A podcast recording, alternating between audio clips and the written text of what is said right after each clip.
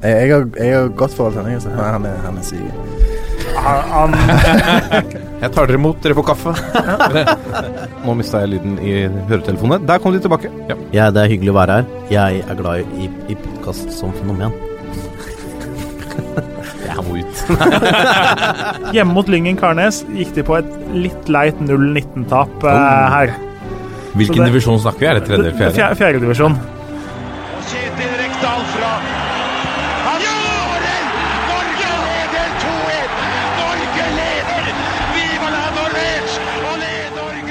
Og der er toppfotball tilbake igjen for eh, siste gang i eh, 2019.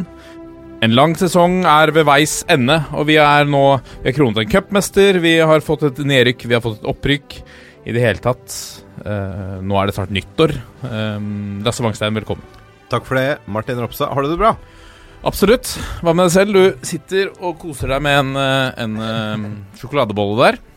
Jeg har fått kveldsmat av uh, den hjemvendte sønn. Kongen av Akersgata. Eller prinsen av Akersgata, var det kanskje. Ja. Prinsen. Joakim Bårdsen ved min høyre side. Ja, ikke sant? Uh, Mister Nisselue. Du har fått gjennomgå nå av Jeg eh, glemte å ta med nisselua i dag. ja, ja, ikke sant? Men Den ligger, ligger hjemme i kofferten. Martin har Photoshop. Uh, det Ja, kan ordnes. Ja, for du har vært ute på og grillet Klopp. Grilla, grilla. Jeg stilte iallfall et spørsmål. Eh, du- stilte samme spørsmål mange ganger i flere forskjellige setninger? Eller var det, det var deg og danskene og svenskene og det meste? Nei, det vet jeg ikke. Nei, det var bare en pressekonferanse der jeg stilte spørsmål om han hadde en spesial, spesiell plan for Haaland, eller om han eh, bare forberedte seg på Salzburg som kollektiv. Men det, det er ikke lov. I Norge, nei.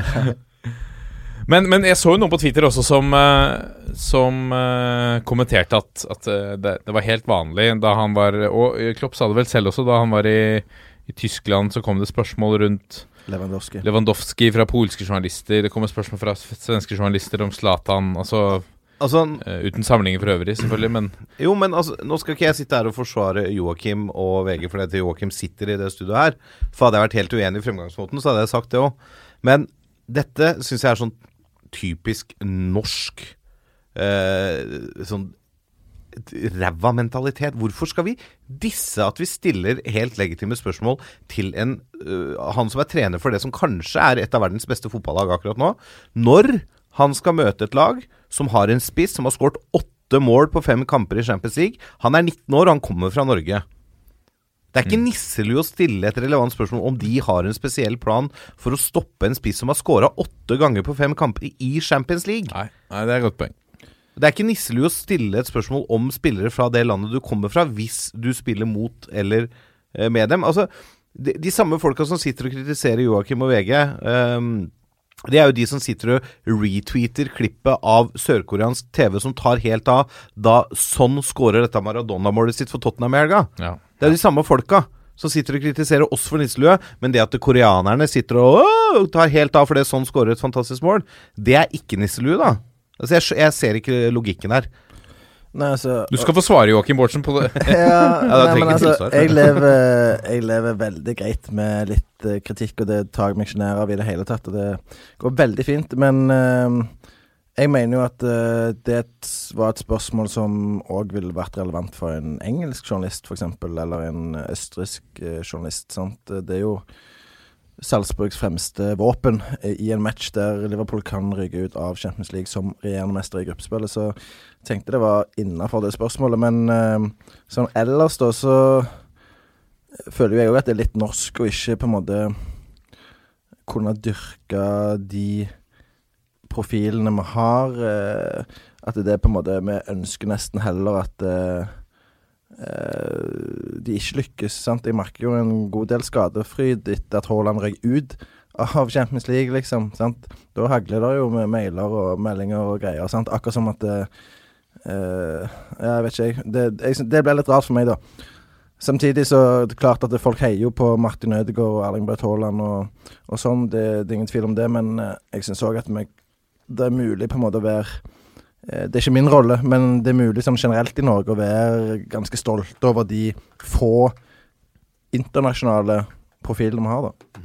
Ja, fordi det, det har jo en sammenheng med at vi har jo ikke så mange stjerner. Altså Nå har vi jo flere stjerner enn på veldig lenge. Sander Berge, eh, Erling Braut Haaland, Kristoffer Ayer løftet eh, cupen der. Joshua, Joshua King gjør det bra. Joshua King gjør det bra. Altså Vi er vi er jo ikke bortskjemt, men vi har eh, flere enn eh, på, på lenge. Og det er jo ikke rart at, at disse får oppmerksomhet. Og så er det vel med alt, da. Sånn som uh, uansett hva det er for noe i, i norsk presse. Folk blir jo lei av krigen i Syria. Mm. Skriver så mye. Kan vi ikke, kan vi ikke lese noe annet isteden? Mm. Altså jeg opplever at det er litt sånn um, og, og derav også dette uttrykket som jo spesielt B-laget har gjort uh, uh, veldig narr av. Vi, vi forstår ikke hvor stort dette er. Um, Ja, og det som også er litt gøy, er at nisselue-begrepet det kommer jo fra Joakims uh, egen eh, arbeidsgiver. det, Det ble vel Det vel uh, Jamel og gutta. Jamel og Bernt Hulsker i uh, podkasten Fotball. Det Ja, og det går vel på at eh, nordmenn er så glad i engelsk fotball. Ja, Så, Ja.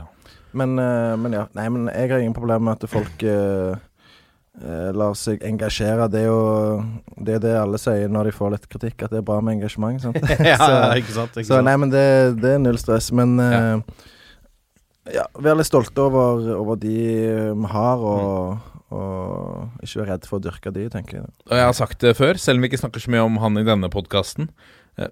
Vi har en nordmann som trener verdens største fotballklubb. Vi er et, en nasjon med fem millioner innbyggere. Altså eh, prestasjonen det er Altså, Jeg forventer at Norges største avis skriver om det hver eneste dag omtrent. forventer jeg å lese om det. Ja, ja. Fordi det er så stort, og det kommer aldri til å skje igjen. Nei. Og det er nå vi må skrive om det. På samme Ja, ja. måte som vi har en toppskårer i Champions League. Når skal det skje igjen? Mm. Eh, forhåpentligvis så, så kan det skje igjen. Ja, ja, Kanskje det skjer neste år eller, eller flere år. Men jeg forventer at pressen skriver om det. Og så skal jeg love deg at uh, den dagen VG ser at uh, nå gidder ikke folk å lese om Ole Gunnar Solskjær eller Erling Braut Haaland eller Martin Ødegaard, da begynner de å skrive mindre om eh, vedkommende person. Det er riktig. For det er veldig mye av dette også baserer seg jo på Hva er det folk har lyst til å lese om. Ja. Altså Disse sakene trekker jo lesere. Det er ikke noe tvil om det. Hvis ikke så ville Altså VG ville jo aldri sendt Joakim til Salzburg for å dekke eh, Red Bull Salzburg mot Liverpool i Champions League hvis ikke de sakene genererte klikk. Nei. Altså Så ærlig må vi være. Men samtidig, det er jo sånn Veldig mange bruker det klikkargumentet i, i hytt og vest. Det er legitimt nå, Lasse, men eh, igjen, jeg stiller jo ikke det spørsmålet der fordi jeg tenker det skal generere klikk. Jeg, jeg stiller jo det spørsmålet fordi at jeg mener det er relevant Det er helt enig i. en sportslig kontekst. Sant? Så, Ja, ja. Så, så ser jeg på det som det mest relevante spørsmålet jeg kunne stilt, om jeg var engelsk eller norsk. Ja, men nå sier jeg ikke spørsmålet isolert Nei, nei, jeg skjønner Nå sier jeg det at dere dekker kampen fra ringside, da. Ja, absolutt. Hvordan er Salzburg som by, da? Nå har du vært der noen ganger. Ja, nei, Det er en nydelig by. Veldig fin. Det er jo Mozarts fødeby og omkransa av Alpene og varmt eh, på sommeren og nydelig på vinteren, så Veldig profesjonell klubb i tillegg. Eh, fantastisk hyggelige folk, imøtekommende, profesjonelt. Det er svært. Det er jo et maskineri av folk som er på jobb, eh, bokstavelig talt, eh, i forbindelse med matcher og pressekonferanser og alt. Så det er en, det er en stor, stor klubb. Um, nå er det jo gjerne snakk om at uh, Christian Thorsvedt eh, havner der, og Ja. da er det bare til å si eh, lykke til, grip sjansen, for det Ja, ja. er en eh, meget, meget bra klubb. Altså, øh, får du tak i øh, leskedrikk øh, som gir deg en oppkvikker? Det gjør du. De Red Bull-boksene får du tak i overalt, og de får du enten om det er pressekonferanse eller eh, match. Uh, så så, Martin har en her i dag. Ja, de er overalt. Jeg, jeg la, Ja, mer- jeg la Anledning Joakim Bortsen. ja, jeg la merke til den jeg kom faktisk. Jeg har sett et par av de uh, de siste dagene. Men altså, uh, man kan si hva man Nå er ikke dette en uh, podkast om uh, Østerriksk fotball. Nei, vi snakker jo om nordmenn her. Ja, om Og så er jo litt julepodkast også, så det kan jo skli ut litt. Vi på en måte. sklir ut. ut av sjangeren her. Men man kan si hva man vil om konseptet til Salzburg og Leipzig. Mm. Og hvordan de klubbene er bygd opp. Men jeg vil si det finnes verre konsepter, for å si det Ja, sånn. og mye verre. Men altså, man, de, de har jo fått mye kritikk fordi at de på en måte Det er liksom ikke den ekte fotballen og, og alt det der, og det er liksom kjøpefotball og plastikkfotball og alt det. Men du kan ikke ta noen av de klubbene på hvordan de har utvikla spillere. Bare se de spillerne som har gått igjennom de løpa i de klubbene, da. Altså Du har jo han som kanskje var banens beste i den kampen vi nevnte, da. Keita. Keita. Han var jo vel i begge. Ja. Eh, Ja, Han var først i Salzburg, så gikk han til Leipzig, og så ble han solgt til Liverpool. Sadio Mané. Sadio Mané var i Leipzig. Ikke sant? Altså, Nei, i Salzburg. Nei, han var i Salzburg, mener jeg. Eh, og altså, disse klubbene gjør noe riktig Ja, ja. i uh, måten de henter spillere, hvilke spillertyper de henter, og hvordan de foredler de videre til å bli store stjerner. Så det, du, du, altså, de gjør jo de Det er ikke bare plastikk og Nei, og, og det valget som Braut Haaland tok da han gikk fra Molde til Salzburg, det er jo etter å ha vært der nede og sett eh, på forholdene og, og hvordan han har hatt det, så, så er jo det et utrolig bra valg. Sant? Han kunne gått til Juventus, han kunne gått til Bayer Leverkusen, han kunne gått til Premier League allerede, allerede da. Eh, men han valgte Salzburg, og det er jo Det har jo vært helt, helt perfekt både for han og for klubben. Et halvt år tilpasning, får en sommer med trening med de, Mm. og så er den helt enorm.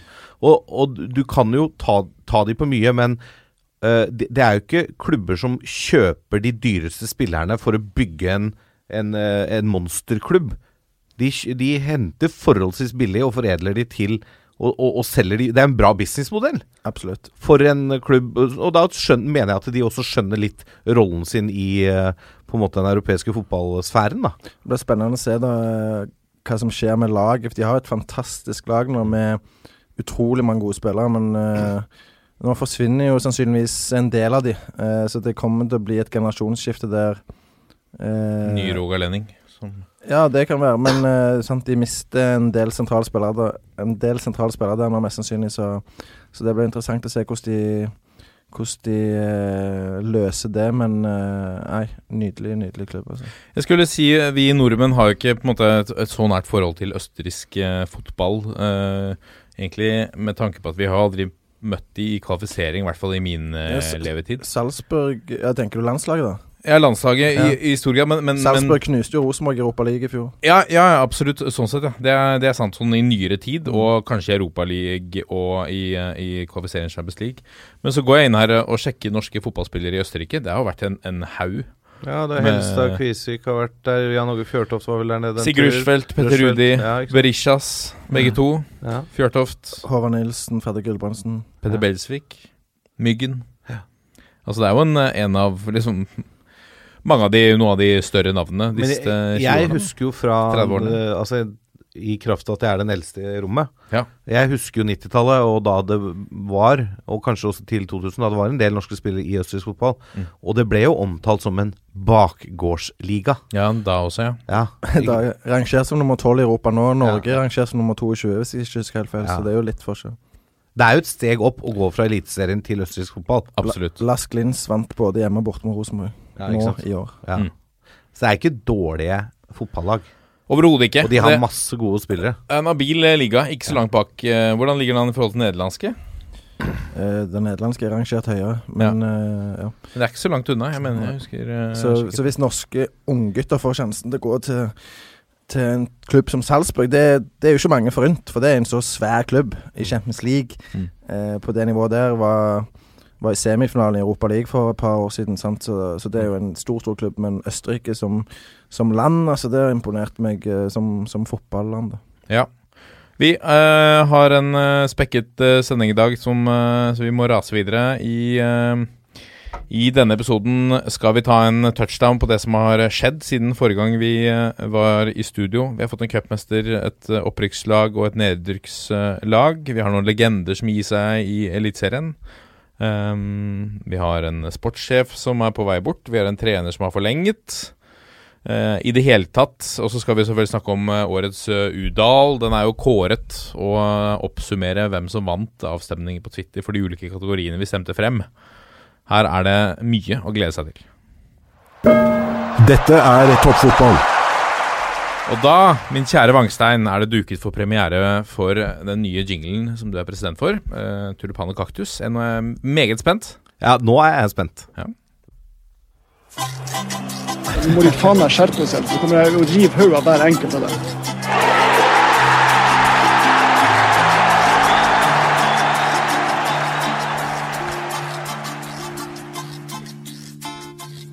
Var ikke den uh, litt ålreit, da? Ja, den var fin.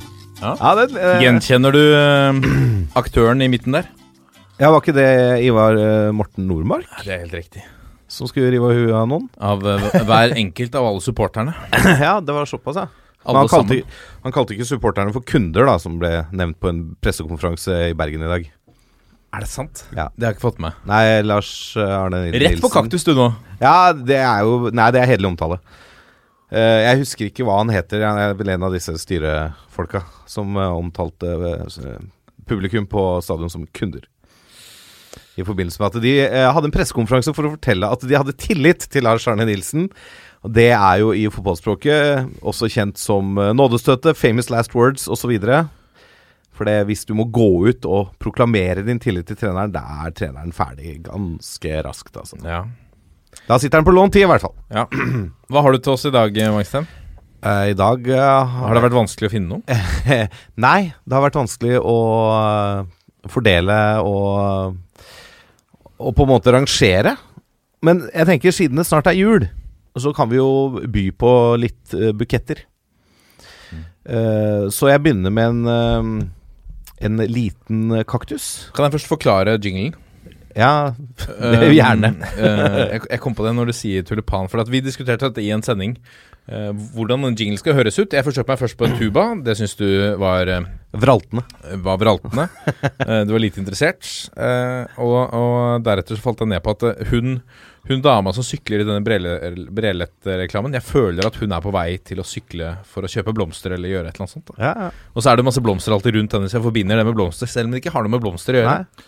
Ja, du kunne jo kjørt den eller Timotei-reklamen, ja. Sånn, Timotei-reklamen? ja. Det er også 80-tallsreferanse. jeg, fikk, jeg fikk gode assosiasjoner nå når jeg hørte den sangen, men jeg vet ikke om Jeg vet ikke om det var en nydelig reklame eller bare en jækla irriterende reklame. For jeg husker den gikk altfor ofte på TV før i tida. Før så sto jo TV-en på alltid. sant? Det var ikke noen apper eller smart-TV da. Og da gikk den reklamen hele tida. Men det jeg likte veldig godt, var at det skjønte jo også For det er Brelet. Bre Ja, ja, ja. Lille smøret bak på, På sykkelen, sykkelen. Sykkelen. Det skjønte jo de òg, så folk, eh, de skjønte at folk ble lei av den lyden. Så den siste reklamen de laget, Mm. så uh, går jo hun dama rett i bakken, kjører på en ku. Ja, stemmer det. Så det bryter med all idyllen som har vært i alle de andre reklamene. Men de har gjort noe rett. Ikke at jeg jobb, har eller jobber i reklamebransjen, men ja, eh, når, hatt av, selvfølgelig. når du forbinder en, eh, en jingle med smør, da, da har du gjort jobben din. Det er produktplassering. Virkelig, altså. Brelet. Brelet. Er vi sponsa av Brelet i dag? Du må ringe Ja, dit. hvis dere er interessert. Jeg bruker smør hver dag. Ja, ja, det er bra. Det er bra. Videre. Ja, videre. Uh, nei, jeg begynner med en liten uh, kaktus, uh, ispedd en tulipan. Fordi jeg må få lov til å hylle, samtidig som jeg må få lov til å si 'herregud, så dum du er', til eh, en LSK-supporter på Åråsen i går, i denne kvalikkampen. Fordi etter kampen så sto jo Tom Nordli og proklamerte at uh, tredjemålet til start burde vært eh, avblåst før Ramsland fikk lov til å skåre, fordi det var folk på banen. Eller en supporter på banen, som han sa. Poenget var jo at det var jo en vekter på banen, eh, og Tom Nordli mente at eh, dette kunne forstyrre keeperen hans. Eh, grunnen til at vekteren var på banen, er at en LSK-supporter hadde kommet seg i retning startsupporterne for å vise de fingeren Altså løpt. løpt eh, rundt banen, ut foran, vise de fingeren og være avtale. Og dette måtte jo vaktene ta, seg, ta hånd om. Mm. Eh, derfor var det vektere på banen som kanskje forstyrra Maric så mye at han slapp inn det tredje skåringa, som sender Lillestrøm ned. Så da har du altså en Lillestrøm-supporter som er eh, betydelig bidragsyter til eh, tredje, denne tredje skåringen, hvis det stemmer at Maric ble forstyrra, som Tom Nordli påstår. Det er bare å applaudere. Da får du en kaktus fordi at du er dust og ikke står på plassen din. Så får du en tulipan fordi at eh, den er vond å ha med seg hjem. Altså å vite det at det kanskje jeg gjorde det lille ekstra. Altså kanskje det halvsekundet med uoppmerksomhet på en eller annen uh, Lillestrøm-spiller da som gjorde at Ramsland fikk muligheten til å sette inn den tredje der. Ja. Så det er litt sånn både òg på han stakkaren der. Men jeg tror vi heller kanskje Det kunne kanskje se ut som forsvarsrekka der var litt forvirra. Ja, det er det det Marit Kjell, en annen LSK-spiller blei litt Det halvsekundet for- forstyrra, da. Hva tenker vi om det fyrverkeriet som kommer ut uh, Nei, det, altså, På vi, slutten her, vi altså- har jo diskutert mye, mye pyro. og, nå, og nå mener jeg ikke den om det er riktig eller, eller galt. Nå tenker jeg egentlig på hva er formålet bak det? Fordi at eh, La oss ikke ta den diskusjonen om det er bra eller ikke, men, men, men når, når laget ditt trenger en scoring, Ja. og du kjører noen røykebomber ja, For å stoppe kampen? Ja, eller utsette, legge Ja, ja, til med altså, tillegg. Du, hvis Lillestrøm hadde hatt noe momentum da inn i de syv tilleggsminuttene, så blir jo det effektivt stoppa med å kaste røykbomber på banen. Yes, du ødelegger egentlig Du ødelegger momentumet, Mm. som kanskje Lillestrøm kunne klart å bygge opp. Så du stopper kampen, spillerne Og da, da får Start tid til å regruppere. Og snakke litt sammen mens de venter. Ok, nå må vi passe på det her. ikke sant? Kippe er foran. Lange, øh, og han- klarte å levere 20 albuer på de siste ti minuttene av karrieren sin, han som forventa. og da mister Lillestrøm litt trøkket. Og så får Start regruppert. Og det kan også ha vært bidragsytende til at eh, Lillestrøm ikke klarte å få den ene skåringa de trengte for å stå i Eliteserien for 46. året på rad. Mm. Så det er en Men altså, nå skal man ikke tråkke på noen som ligger nede, men um, det ble gjort noen valg på Åråsen i går som fortjener en, eh, en haug med kaktuser, altså. Ja, hvilke valg da? Nei, det, Det Røykbomber, nå, ja. Vise finger. eh, hodemisten til spillerne når eh, Start skårer det ene målet. Mm. Og når Start skårer det andre målet, da ser du det på hele LSK-laget. At de, bare detter sammen. Da mister Altså, det, det er et lag helt uten ryggrad. Ikke i- i bokstavelig forstand, men altså, du ser at dette er et lag som ikke er vant til å vinne. Som bare Altså, frykten tar helt overhånd etter den andre skåringa. De klarer ikke å regruppere. De klarer ikke å bare Ja, men faen, vi er fortsatt foran. Vi er fortsatt i Eliteserien. De bare detter sammen, og det er- er derfor det tredje målet kommer. Så det er jo Det er Det var litt sånn, man gikk jo Jeg husker jeg så den kampen, så tenkte jeg ok, nå er det er 4-0. Hadde vært gøy om det var litt spenning på slutten her. Og så vet du også samtidig at Og du ser jubelen også hos startspillerne når de får den ene skåringen, for da vet de Nå har vi Altså, historien viser at veldig ofte så har man et overtak, da. Ja. Men det er altså um, det, er, det, det skal ikke være mulig å rote bort en 4-0-ledelse på den måten her. Det skal ikke være mulig som profesjonell fotballspiller. Nei. Det er altså, jeg, jeg fatter ikke at jeg, jeg, jeg, skjønte ikke hva jeg satt og så på. Jeg måtte klype meg i armen og bare tenkte hva faen er det hva er det som skjer nå? Mm. Altså, ja, nei, det var meget, meget, meget spesielt. Så ja. Jeg fikk et uh, betimelig spørsmål fra min samboer, som lurte på ok, hvorfor er alle så lei seg for nå vant Lillestrøm 4-3. Så forklarte jeg sammenhengen. Så sa hun ja, men hvorfor uh, forsvarte de seg ikke bare? På 4-0. ja. Det er jo et betimelig spørsmål, det. Ja, ja, helt klart. Altså Lillestrøm spilte jo årsbeste i 75 minutter.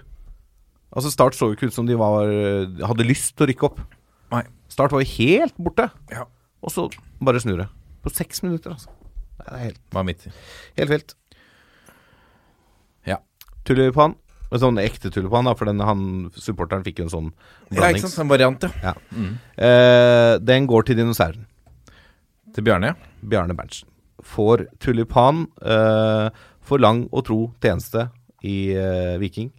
Og for det han har fått til med det vikinglaget, eh, som han kroner med Men han er ikke ferdig nå. Han er ikke ferdig, men allikevel. Han fikk Kniksens ærespris, er ikke det det heter? Hederspris, ja. Hederspris, ja. Eh, det er vel fortjent. Mm. Eh, greit at han ikke blir årets trener, for den syns jeg gikk til fortjent mann. Men eh, han fortjener all den he- heder og ære han kan få for det han har gjort med det vikinglaget. Rett opp fra Obos, på inn Cruiser inn til femteplass og tar cupgullet. Eh, med et eh, lag egentlig basert på veldig mye lokale gutter. Ispedd noe annet, selvfølgelig, og en del unggutter som virkelig har blomstra. Vi nevnte Kristoffer Christian Thorstvedt i stad, som kanskje skal eh, videre. Men det er nok av spillere der. Det er profiler. Det er eh, spillere der som andre supportere hater, sånn som Slatko Tripic. Altså Tommy Høiland. Men det er altså Han har fått til et eller annet det, med det laget som det er bare å ta av seg hatten for, og han har hatt så trua på det han driver med, så han eh, er bare å hylle og applaudere, altså. Det, Tommy Høiland der, da. I intervjuet etter, eh, etter kamp. Satt, han satt på benken hele kampen. mm. Ja. Mm. Ja, det er jo pga. han har slitt med en hamstringstrekk, vært ute lenge. sant? Står der Altså, han er jo hatet av mange. Uh, hatet av alle som ikke heier på Viking, kanskje. Eh, går jo under å være litt sånn Litt sånn halvufordragelig med litt uh, triks og slenge med leppa og er cocky og, og sånn. Filme litt og Dra, dra til trynet, sier du i stad. Dra til trynet. Ja, ikke sant? Så står han der, altså. Tøffingen. Mm. uh, og gråter. Ja, men, han er, ja, men sånn er det jo. Uh, når du ikke kjenner folk, så er det jo lettere å dømme dem. sant? Ja. Men Tommy er jo en, en relativt myk mann. sant? Tobarnsfar. Eh, blitt 30 år. Eh, vært med på mye. Sant? Vært i, i Bryne som et supertalent. Eh, vært i Sandnes Ulf. Eh, var tilbake igjen i Bryne. Og to ganger i Viking, Godset, Molde, Lillestrøm. Lillestrøm. Sant? Så han har vært rundt omkring. Eh, Kommet hjem.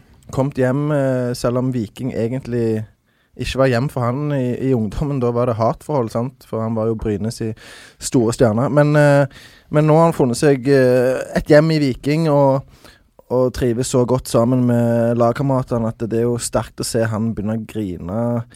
eh, Selv om han ikke har spilt et minutt i den finalen, og, og står der og sier at det er det største han har opplevd. Um, Ja, på grunn av det at det, nå er det Ja. unggutter som gjør det. og han har vunnet serien og tatt cupgull med Molde, sant. Eh, så Så Ja, vant vel serien med Molde, han gjorde det. Men eh, nei, det Det er nydelig. Noe mer eh, å trekke fram, uh, Wangstein? Ja, en liten uh, kaktus fortjenes jo i retning Sørland òg, til tross for uh, oppturen på Åråsen. Uh, og det er Stort å se familien til Jesper Mathisen der. eller Ja, det var, Mathisen. eh, det var nydelig. Han satte opp et videokamera som kunne følge hele kampen Ja, og, og reaksjonene. Han, han visste at det var noe i gjære, han. ja han mm. er ekspert, vet du. Strålende. Nei, det er en overskrift på TV 2-sporten i dag uh, med sitatstrekk 'Jeg må være den mest uheldige startsupporteren i historien'. Når jeg leser den overskriften, så tenker jeg åh, her er det en eller annen stakkar som ikke har rukket kampen fordi at bilen punkterte, eller uh, coilen datt ut av motoren, eller jeg, jeg har ikke peiling på biler, men uh, et eller annet. Og så begynner jeg å lese, da. Uh, om Kenneth Andresen, 54. Eh, Fra det var 3-0, så tenkte jeg bare at det her går ikke. Jeg følte vi hadde veldig stang ut i hele første omgang, så jeg trodde ikke det var mulig å snu det. Når det fjerde målet kom, valgte Andresen å reise hjem for å slippe trafikken.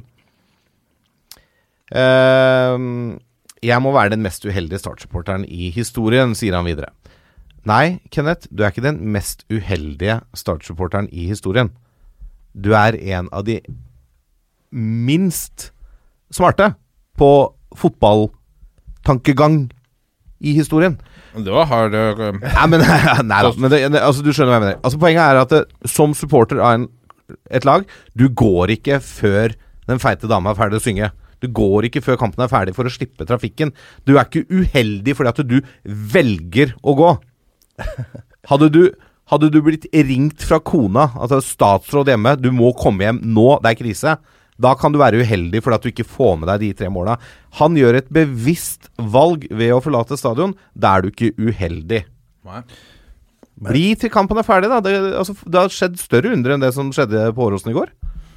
Ja, men jeg har all mulig medfølelse med Kenneth her. Det Ja, medfølelse med at han ikke heter, får med seg, men jeg Jo, Kenneth det. ja, men jeg har vel uh, Er Kenneth, Kenneth 44. Ja, men jeg har vel Jo, grunnen er jo fordi jeg tror jeg har røpt det, holdt jeg på å si, en gang før i en, i en episode her, men eh, jeg har gjort eh, Eller vært med på noe mye verre enn det Kenneth har gjort. Ja, ok. Det var jo relativt uforskyldt, vil jeg si. Jeg hadde ikke så stor uh, påvirkningskraft der, men det det var jo noen dramatiske sluttminutter uh, under en kamp i 1998 òg, mellom uh, Norge og Brasil. I, Ja, i stemmer det. Var du satt i bilen, eller noe sånt? Nei, jeg var jo på kamp i Marseille. Og så var det jo bare noen minutter igjen der. Og så var vi fire små barn, sant. Så da tenkte foreldrene mine at ja, nå er det lurt å komme seg ut før det blir eh, kaos. Oh, vi, vi, vi går. Og så på vei ut av stadionet så hører vi bare 2-1.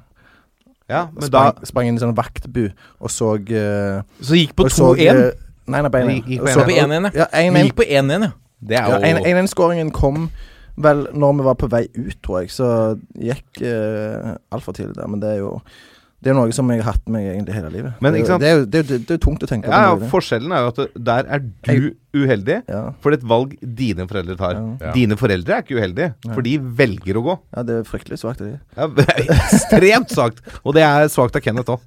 Jeg blir litt av kaktus, da. kaktus der, Du altså. er hard, da. Ja, ja. Det er ikke, du, har ikke er mye, du har ikke mye sympati eller eh, forståelse. Han er en slags dommer og bøddel i Jeg er president, for faen! Nei, Diktator. er diktator. Nei, men altså, jeg har, jeg har sympati for at det er kjedelig å ikke få med seg det her, men han har valgt det selv. Ja. Og da er det litt verre å få sympati for det, når du gjør dumme valg. Nå kommer pulsen. Da har vi kommet til pulsen. La oss begynne pulsen, da. Joakim, men gratulerer med, med cupgull. Europacupplass. Det er stort, Ja, det er det, ikke sant? selvfølgelig. Ble, hvordan var mottagelsen i Stavanger da, da heltene kom hjem eh, ved, Ja, den- Når kom de hjem? I, ved midnatt der, eller Ja, sånt? den så jo på På Må jo se, jeg så den på vg.no, og det Det var jo enormt. En uh, cupmester verdig, med fullt uh, på torget der i, i Vågen i Stavanger. Og, Var det noe greier på flyplassen nå, eller?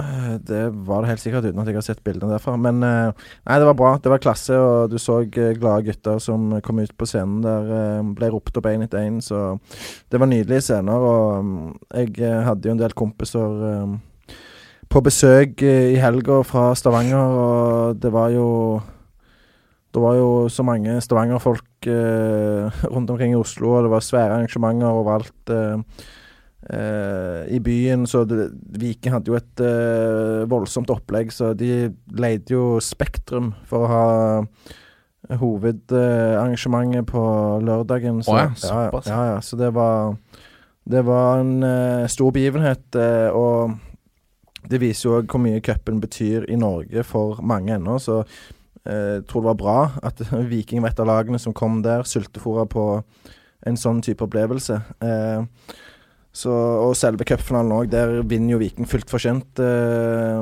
må man si. Kontrollerer kampen.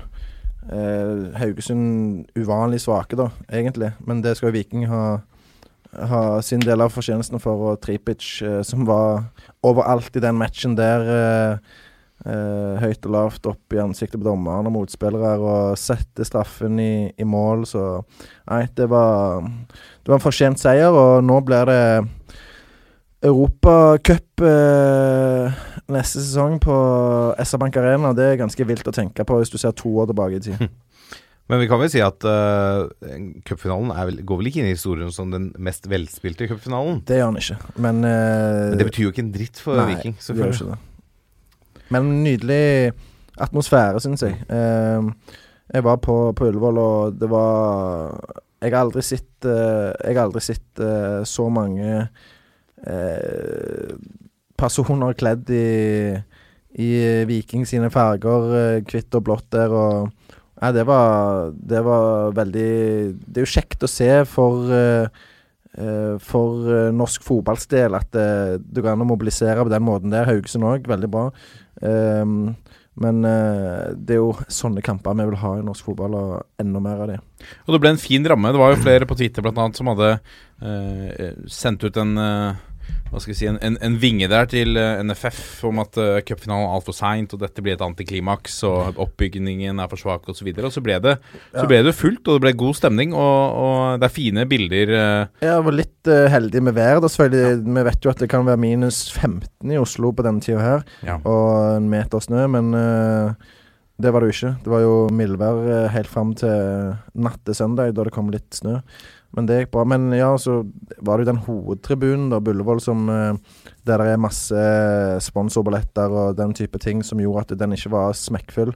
Så der går det gjerne an å ta noen grep til neste år og få, få klemt eh, inn eh, eh, så mange som det går an på Ullevål. Ja, litt større um, eh, billettkvote til eh, supporterne, tenker jeg. Absolutt. Eh, altså Jeg skjønner at de må ha sponsorbilletter òg, for at det, det er de som tross alt betaler mye av gildet til norsk fotball. Men uh, en li litt større kvote til supportergrupperingene, uh, så får du enda bedre stemning, og du kanskje fyller de 2000 plassene som sto tomt. da Eller i hvert fall sørge for at uh, få en ordning på at når uh, sponsoren ikke benytter seg av billettene, at man Mm. deler de ut. Men, ja, men jeg har snakket om Bjarne Berntsen før i, i denne podkasten tidligere i sesongen, og, og Lasse har vært inne på det tidligere i denne episoden, så jeg skal ikke dra på en måte hele Hele historien sånn som jeg ser den, men jeg kan bare si at det han har bidratt til og vært sjefen for eh, etter han kom inn for to år siden, det er egentlig helt sinnssykt. Det skal egentlig ikke være mulig, fordi eh, det, for folk som ikke har fulgt Viking så tett, så, så har man gjerne ikke visst hvor store problemene var i den klubben. Det har blitt eh, skrevet og sagt mye om det nå i senere tid, men eh, altså, for to år siden, etter Ian Burchnell fikk sparken der, og eh, Viking rykte ned, så var den klubben eh, sto og vippte. Hva skjer nå? sant? Eh, kunne gått rett gjennom Obos-ligaen. Det tenkte jeg var et realistisk scenario. Eh, selv om ja, ja, selv om det selvfølgelig var mange vikingsportere som hadde, som hadde eh, håp om at de skulle gå automatisk rett opp igjen, med tanke på at det er en stor klubb og sånn, men jeg mener helt, uh, helt realistisk at de kunne gått rett gjennom den uh, divisjonen. Hadde ikke det som skjedde, skjedd, at Bjarne Berntsen kom inn og, uh, og bidro til å stabilisere den klubben der. Fikk med seg et veldig bra team. Bjartlund Aasheim henta inn eh, Morten Jensen, som var en lokal trenerspir som har fungert eh, Nå går jo Andrea Danielsen inn i ja, tredjetimen, det også. ja, nå vet jeg ikke om han skal inn i, eh, i A-teamet, da. Men uh, Iallfall en rolle i Viking. Men, eh, men eh, det han har eh, klart å gjort der, det er egentlig helt vilt. Fordi ressursene var begrensa. De kunne ikke kjøpe spillere eh, i den forstand. De måtte signere spillere eh, på relativt beskjedne lønninger og sette sammen det som var. Sant? De henta jo eh, Christian Thorsvedt, tok han fra fra en eh, klubbløs eh, rolle som han skulle egentlig på college, sant? Og, og bidro til å gjøre han til en uh, timålsskårer i Eliteserien denne sesongen og årets gjennombrudd i Obos-ligaen eh, forrige sesong. eh, sant? Så eh, Nei, han eh, Det viser hva på en måte tillit og, og det å trives kan ha å si. da Han ble jo avvist, eller eh, Han var på prøvespill prøvespill i, i Stabæk. ja, han, han, var, han, han, han, spilte, han spilte i Stabæk. Han var i Stabæk. Ja, men han mistet kontrakten, eller ble løst fra kontrakten? Ja, eller han, eh, han var jo øh, Han ville jo ta steget videre Ja. og dra til college, for han fikk ikke sjansen i Stabæk. Men, men uansett, eh, den måten Bjarne Berntsen har Nå ble det nok så langt, dette, men den måten Bjarne Berntsen har klart å, å forene klubben på og, og, og ha en ty veldig tydelig strategi, eh, det er, det er så imponerende at det er vanskelig å beskrive, egentlig. Fordi, som sagt, det kunne gått veldig, veldig galt. Vi må gå videre, men jeg, jeg har lyst til å stille et spørsmål også. For jeg, jeg sitter jo litt eh, på utsiden, men jeg Og vi følger jo ikke Viking så tett annet enn det vi ser på TV, det vi leser.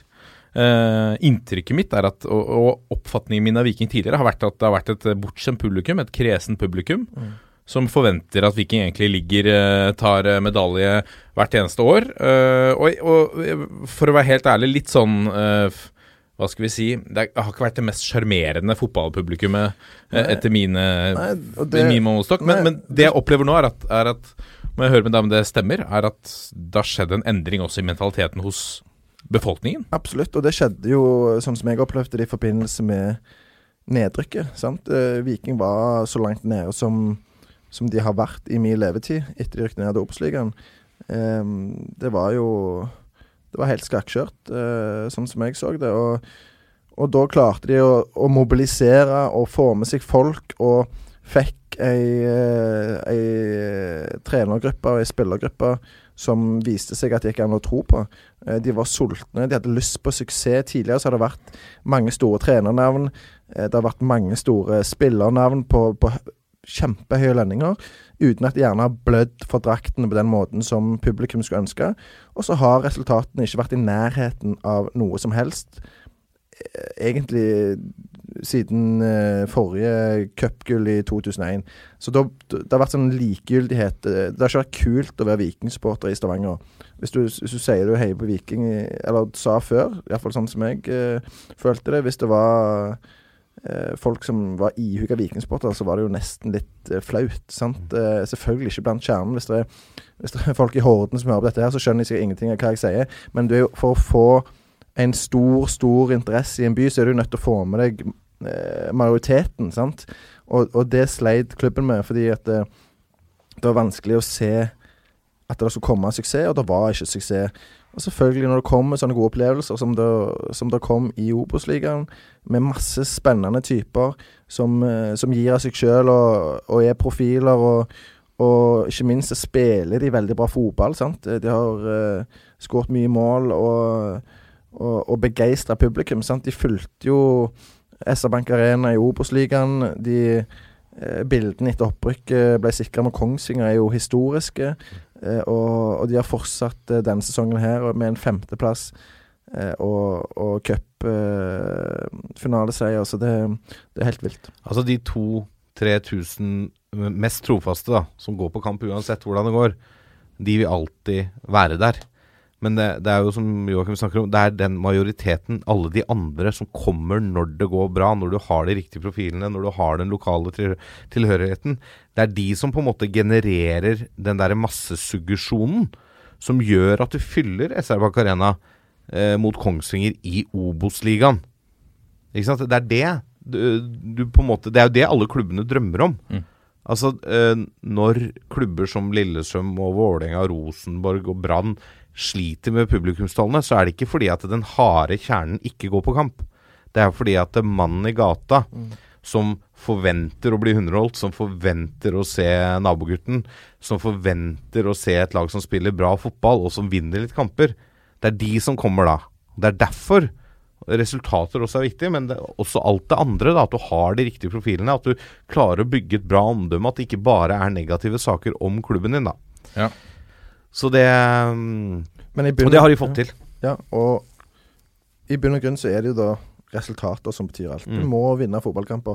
Du må gjøre det bra for å klare å, å, å skape utvikling og, og, og bygge disse gode opplevelsene. Så, og det har de fått til. Men i kontrast da til, til apropos tilskuerantall, et kresent publikum. Eh, nå prøvde jeg å finne der noe, men jeg mener at eh, på Start Lillestrøm, hjemmekampen i eh, opprykksplayoffen, så var det 3000 mennesker. Mm. Det er jo en stadion som tar vel like mange, sånn cirka.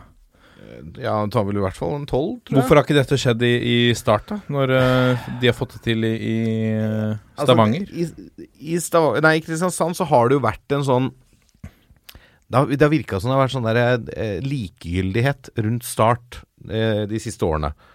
Eh, folk har blitt mer og mer borte, eh, brydd seg mindre og mindre om Start. Og så mm, klarer de ikke å rykke direkte opp. De har kjempa lenge med Sandefjord om den siste plassen. Eh, og så tenker jeg Det er nok mange der som tenkte at det her tar Lillestrøm. De kommer fra Eliteserien, de er et bedre lag, og dette blir vanskelig for Start. Og så har de ikke gått på kamper tidligere år, og så er det selvfølgelig seint. Det er i desember. Det er mange grunner til at det ikke kommer flere folk på en sånn kvalikkamp. Eh, men eh, jeg tror nok det ligger litt i det at du har ikke fått med deg massene, da.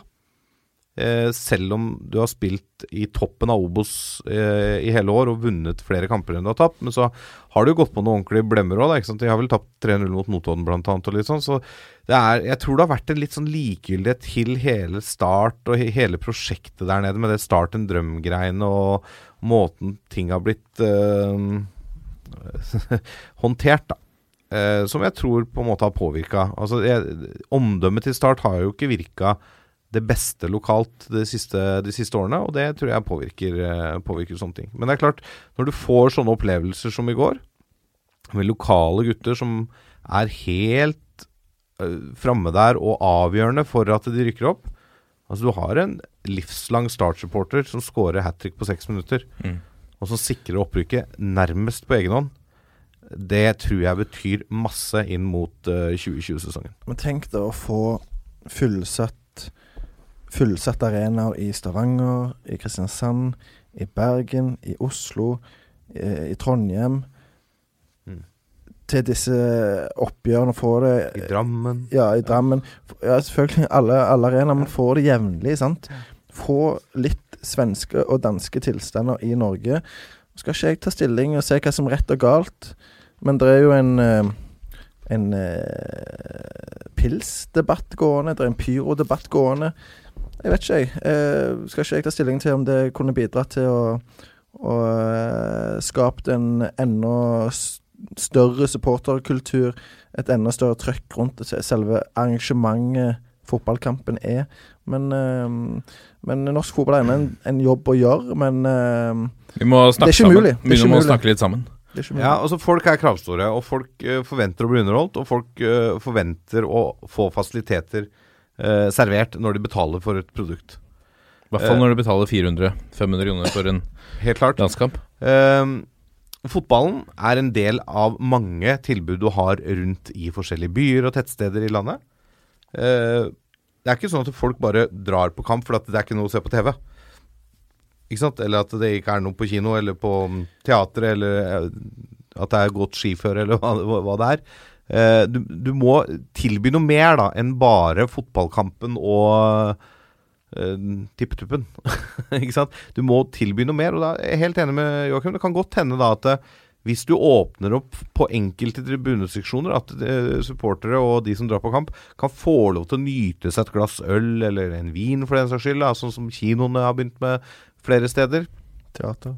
Teater, ja, ikke sant? At du åpner opp for det. Altså, jeg tror ikke det kommer til å skape liksom, at det blir et fyllekalas. At det er liksom Hvis du fyller eh, for 10 000 på Intility, og så er det liksom 9000 av den ravende drita for at de serverer øl. Det er ikke det det Vi, handler må, om. vi, vi kan ikke ta hele den eh, Nei, debatten, nei, for den bare- er lang og god. Ja, men, den er eh, lang og god, men eh, det jeg bare sier at uh, fotballen må legge til rette for at folk har lyst til å komme, og det er ikke bare pga. fotballen. Jeg kan også bare da stille spørsmål avslutningsvis. Er det et fyllekalas i Sverige, Danmark, Tyskland, England? Jeg vet ikke. De gangene jeg har vært og sett fotball der, så har det ikke vært det, i hvert fall. Vi har noen legender som takker for seg. Frode Kippe uh, gir seg jo, som nevnt, på en uh, litt eh, tragisk måte. Må vi kunne si han ønsket seg Altså Det sto jo skrevet i stjernen der at han skulle skåre det avgjørende målet, men det gjorde han altså ikke. Øyvind Storflor, en annen legende, gir seg i Ranheim etter en fantastisk periode både i i Ranheim, for så vidt, men også i, i Godset, som vil huske han for mange store øyeblikk, og Rosenborg. Uh, Azar Karadas er jeg litt usikker på. Gir seg i brannen, men er han helt ferdig? Det var litt uh, knyttet litt usikkerhet rundt akkurat det. Kanskje Andre- han tar et år i sånn da? Ja, Det hadde vært uh, magisk, vet du. André Danielsen gir seg i Viking. Jone Samuelsen gir seg i Odd. I det hele tatt mange kjente norske fotballnavn som har dominert uh, de siste 15 årene. 16 årene. Uh, men det er jo også da duket for eh, nye navn som kommer opp og fram. Sånn som Christian Grindheim tar jo et år til. Ja, han gjør det nå. Ja, Han signert Ja, ny ok. kontrakt med Haugesund for én sesong til. Ja, sterkt. Så det er jo bra for Haugesund Ja. å ha med kapteinen videre. Absolutt. Så, men eh, altså, alle disse du nevner som nå gir seg, er jo eh, i sine respektive klubber som de er i nå, og, og noen av de også i klubber de har vært i tidligere, de er jo legender. Mm. Uh, altså på hver sin Har jeg glemt noe her? Jeg, jeg fikk kjeft på Twitter for at jeg har glemt det. Nei, jeg husker ikke i farta, men altså Du kan ikke Altså Du kan på en måte ikke sammenligne uh, Øyvind Storflor og Frode Kippe, for at Frode Kippe har vært Lillesund-gutt hele veien, bortsett fra et lite opphold i England. Uh, Storflor har flytta litt klubber og sånn, men han har vært en legende i de klubbene han har vært i, på mange måter. Mm. Altså han har jo vært en fantastisk fotballspiller. Frode Kippe har jo vært en bauta i LSK i 22 år, er det vel? Eller det er 22 år siden han debuterte for LSK. Vært kaptein kanskje de siste 13-14 åra, eller hva det er. Eh, vært en eh, bauta i det midtforsvaret. Har ikke spilt like mye i år. Eh, Skåra masse avgjørende mål. Ja, skåra masse avgjørende mål. Cupfinalen 2017, da. Ja, ikke sant. Er en type som Blir sydd på, nei, blir stifta på sidelinja Ja, når han ja. kommer inn. Det gjorde med vilje. Det er sånn Japp Stam-takter. Ja. Han, han, går for, han har gått foran, han har tatt duellene. Han eh, er elska av sine egne, hata av alle andre, men samtidig så tror jeg alle andre har en eh, ekstrem grad av respekt for han. Altså Alle klubber ønsker å ha sånne type spillere. Ja, som er der hele karrieren, og som blør for drakta uke ut og uke inn, som det betyr så mye ekstra for. For det er jo Altså Du kan si hva man vil om den moderne fotballen, men jeg tror uansett hvordan du snur og vender på det, så trenger de fleste lag å ha en del spillere i en stall som faktisk bryr seg om den klubben de spiller for, ikke bare fordi at de betaler lønna. Og fordi at de har litt ære at de har lyst til å vinne en fotballkamp. Men det må bety noe litt ekstra. I hvert fall i en liga som Eliteserien, som ikke er La oss være ærlige, det er ikke den største serien i europeisk toppfotball. Du må ha typer som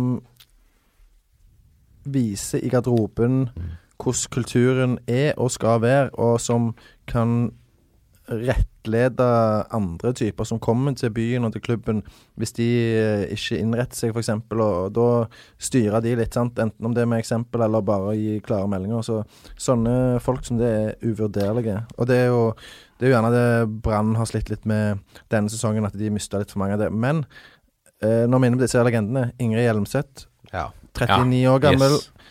138 kamper tror jeg det for eh, det norske landslaget. Har også gitt seg nå. Mottok sammen med Bjarne Berntsen Kniksen Kniksens hederspris fortjent på fotballfesten. eh, En, eh, norsk fotballegende, det òg. Vi har hyllet Hjelmseth i en egen episode. Ikke en helt egen episode, men tidligere en episode her også. Stor, eh, stor keeper. Eh, vi må rase videre. Uh, Inge André Olsen på vei til Aalborg. Dette er jo ikke, dette er bare et rykte som skrives eh, fra, opprinnelig fra Ekstrabladet i Danmark. Han, eh, Aalborg er på jakt etter en erstatter etter tidligere Viking-spiller Allan Gorde, som er sportssjef der nå. Hvis Inge André Olsen går, eh, hva vil det da si for eh, Stabæk, og hvor viktig har Inge André Olsen vært for hva skal vi si, altså eh, gjenoppbyggingen av Stabæk som eh, toppfotballklubb etter opprykket og masse overganger og Han har jo vært eh, den luringen på deadline, Ja. der, og Til tross for at han ikke er eh, Bærumsgutt, uh, som man hører når han åpner uh, kjeften, uh, så har han jo på mange måter tatt over stafettpinnen litt som Mr. Stabæk, føler jeg. Etter Ingebrigtsen. ja, på en måte, for han har vært på en måte den Han ønsker det jo ikke selv. Han Nei. ønsker jo ikke å være så mye Nei, men han har blitt det i kraft av at han på en måte har vært den, eh, hva skal jeg si, den stabile kraften i Stabæk i ganske mange år, da. Det har vært mye trenerskifter der, spillere ut og inn, de har rykka litt opp og ned.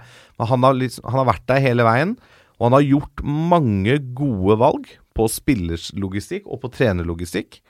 Eh, han har, som du sier, trylla litt på deadline day, henta fram noen spillere som ingen andre har tenkt på, og så Uh, fått de til å blomstre i uh, Stabæk. Eh, han sikkert bomma på masse òg, men jeg tror det vil være et tap for Stabæk å miste Inge André Olsen nå. Ja. Vi går videre. Vålinga forlenger, litt overraskende for mange kanskje, med trener Ronny Deila, som hadde kontrakt ut 2020 etter den, eh, den svakeste høsten i historien for, eh, for eh, Vålinga. Eh, En rekke skrek på, på sparking her. Nå forlenger han også til 2022. Går ned i lønn, og klubben går nå ut med at de skal få en mer lokal profil. Satse på, på talenter fra Oslo og Østlandet. Sikkert etter alt presset vi har gitt i denne podkasten. Ja, endelig så har de tatt til vettet her. Vi vet jo at de hører på oss. Absolutt. absolutt Men er, er det sånn nå, da, eh, Lasse? Opplever du denne uttalelsen eh, som at eh, nå kan man stille, begynne å stille kritiske spørsmål dersom, dersom de ikke signerer Moses Mava kontra eh, Marion George og eh, og lignende. Vi har jo hatt noen sånne tilfeller. Nå, nå mistet jo akkurat en ny unggutt til Grorud. Som vel kanskje går eh, eh, samme veien som eh, Oliver Edvardsen til Stabæk. Ja. Nei, altså det Det er jo Chris, Christos heter han. Ja, Christos, 16-åring. Disse intervjuene man har sett i dag etter han uh, forlenga, de er jo en blåkopi av det man hørte da han signerte for tre år siden. Ja, Så du mener at Eh, Så han, Same, same. nå må det bevises. Ja. Jeg skjønner hvorfor man velger den taktikken nå. Fordi at det, i fjor, eller før årets sesong, så gikk man ut og sa at nå skal vi etablere oss i toppen. Vi skal bli et topp fire-lag. Vi skal kjempe om Europa. Det lykkes jo mildest talt ikke. Nå kjøper man seg tid at da kan man lene i hermetegn, lene seg tilbake hvis det ikke går helt veien neste år. Og si ja, nå skal vi bygge nytt. Nå skal vi bruke lokale unggutter. Eh, nå skal vi renske stallen, og da kommer ikke resultatene med en gang. Så man nullstiller, føler jeg. Altså man nullstiller eh, Jeg er ikke noe fan av å kalle det et prosjekt, men man nullstiller på en måte um, strategien, da. Går litt tilbake til nullpunktet, og begynner på nytt. Mm.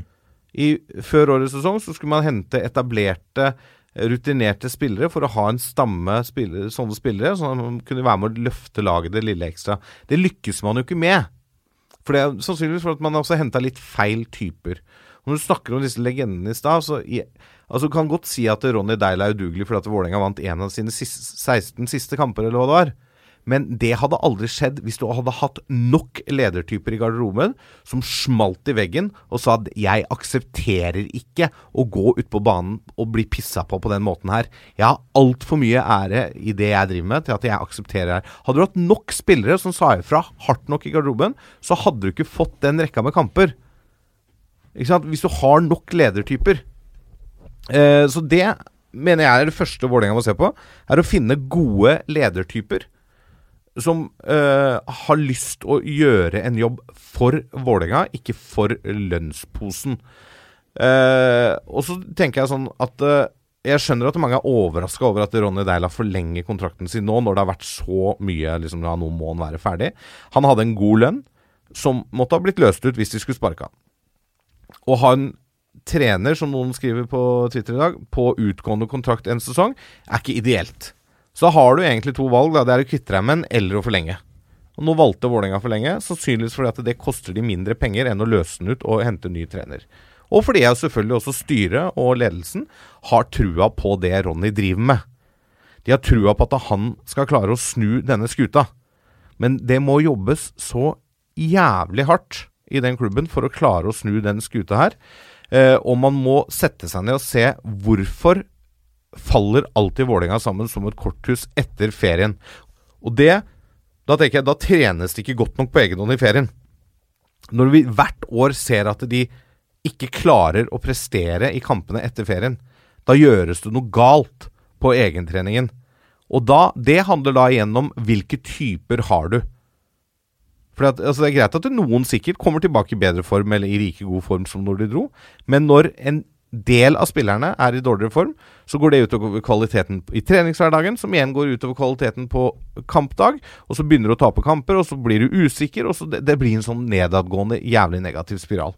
Så det er masse å ta tak i på Valle nå, hvis de skal klare å snu, øh, snu det her. Og det håper jeg jo selvfølgelig at de klarer. Eh, jeg er noe skeptisk fordi det var så dårlig i høst, Eh, men jeg er jo som Vålerenga-supporter lojal til en til hver tid sittende trener og, og spillere. Eh, men jeg er ikke nødvendigvis enig i at dette ser ut som det beste valget. Men samtidig så ser jeg ikke noen åpenbare alternativer til å lede klubben, da. Eh, sånn som ståa er nå. Jeg tror f.eks. sånn som Si Kjetil Knutsen, da. For to år siden kunne han kanskje vært en mann man kunne henta til Vålerenga. Jeg tror ikke han er interessert i å gå fra Bodø-Glimt og Europacup og ta over Vålerenga med br- halvbrukket rygg. Hvorfor skulle han være det? Mm. Så nei, nei, altså så mm, Ja, ok. Nå har, de valgt, har de valgt det. Da får de stå ved det. Og så, men da må de også gi Ronny Deila de eh, Hva skal jeg kalle det? eh, verktøyene for at han skal lykkes. Og hvis han mener at det beste måten han øh, lykkes på nå, er å satse ungt og lokalt på Oslo-gutter, bra. Men jeg, da vil jeg også ha noen Oslo-gutter med erfaring, og som blør litt. Ref. Uh, Flamur Kastrati, som ryktes tilbake til Østlandet. For det ryktes at uh, noen har lyst til å flytte. Ok. Han er ikke verdens beste spiss. Han er ikke supermålscorer. Men Flamur Kastrati hadde blitt elska av Vålerenga-fansen etter to minutter på banen. Bare i kraft av hvordan han sånn er. type altså han, Nå har han vært mye skadet i år, da. Ja, ja. Han har bare 17 matcher eller 18, eller hva det er for noe. Ja, og de trenger jo Nå har de jo vist da at eh, de, har- de har noen profiler der som, som, som kan uh, trå til litt. Aron Dønnum er jo en av de som kan Ja tråkke til litt. Uh, men de trenger jo Sjala. Inshallah. De trenger jo uh, De trenger jo en sånn eh, type.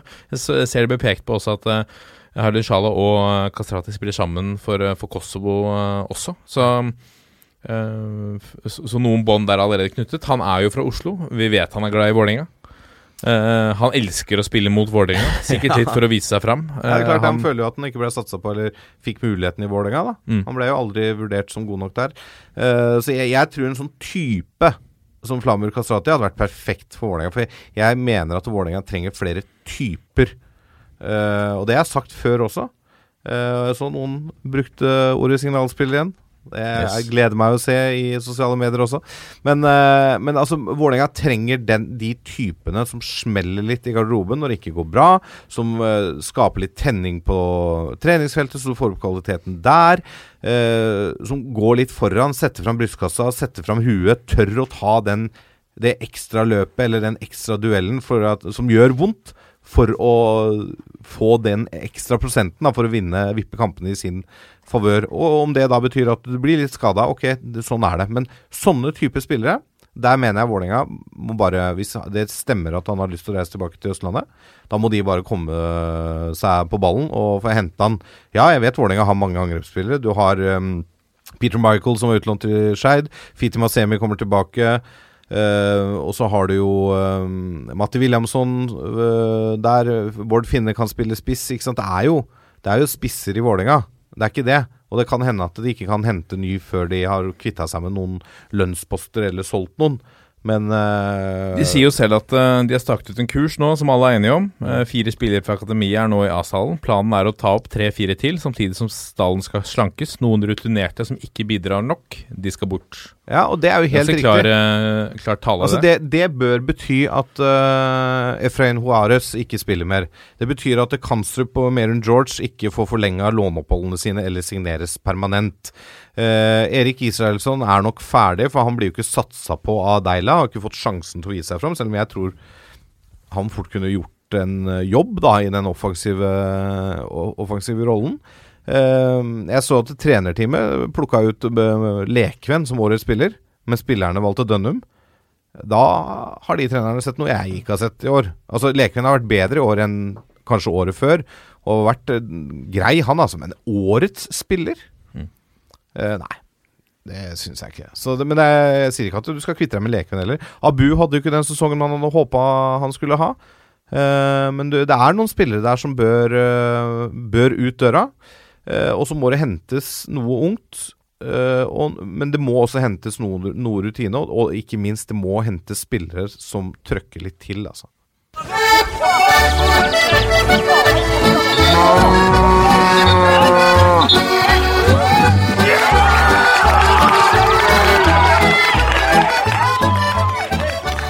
Og da er det klart for eh, Breddenytt, eh, som blir eh, en litt begrenset variant i denne utgaven, da Jørgen Kjernås måtte velge avbud her, tett opp mot innspilling. Forfall. Forfall, ja.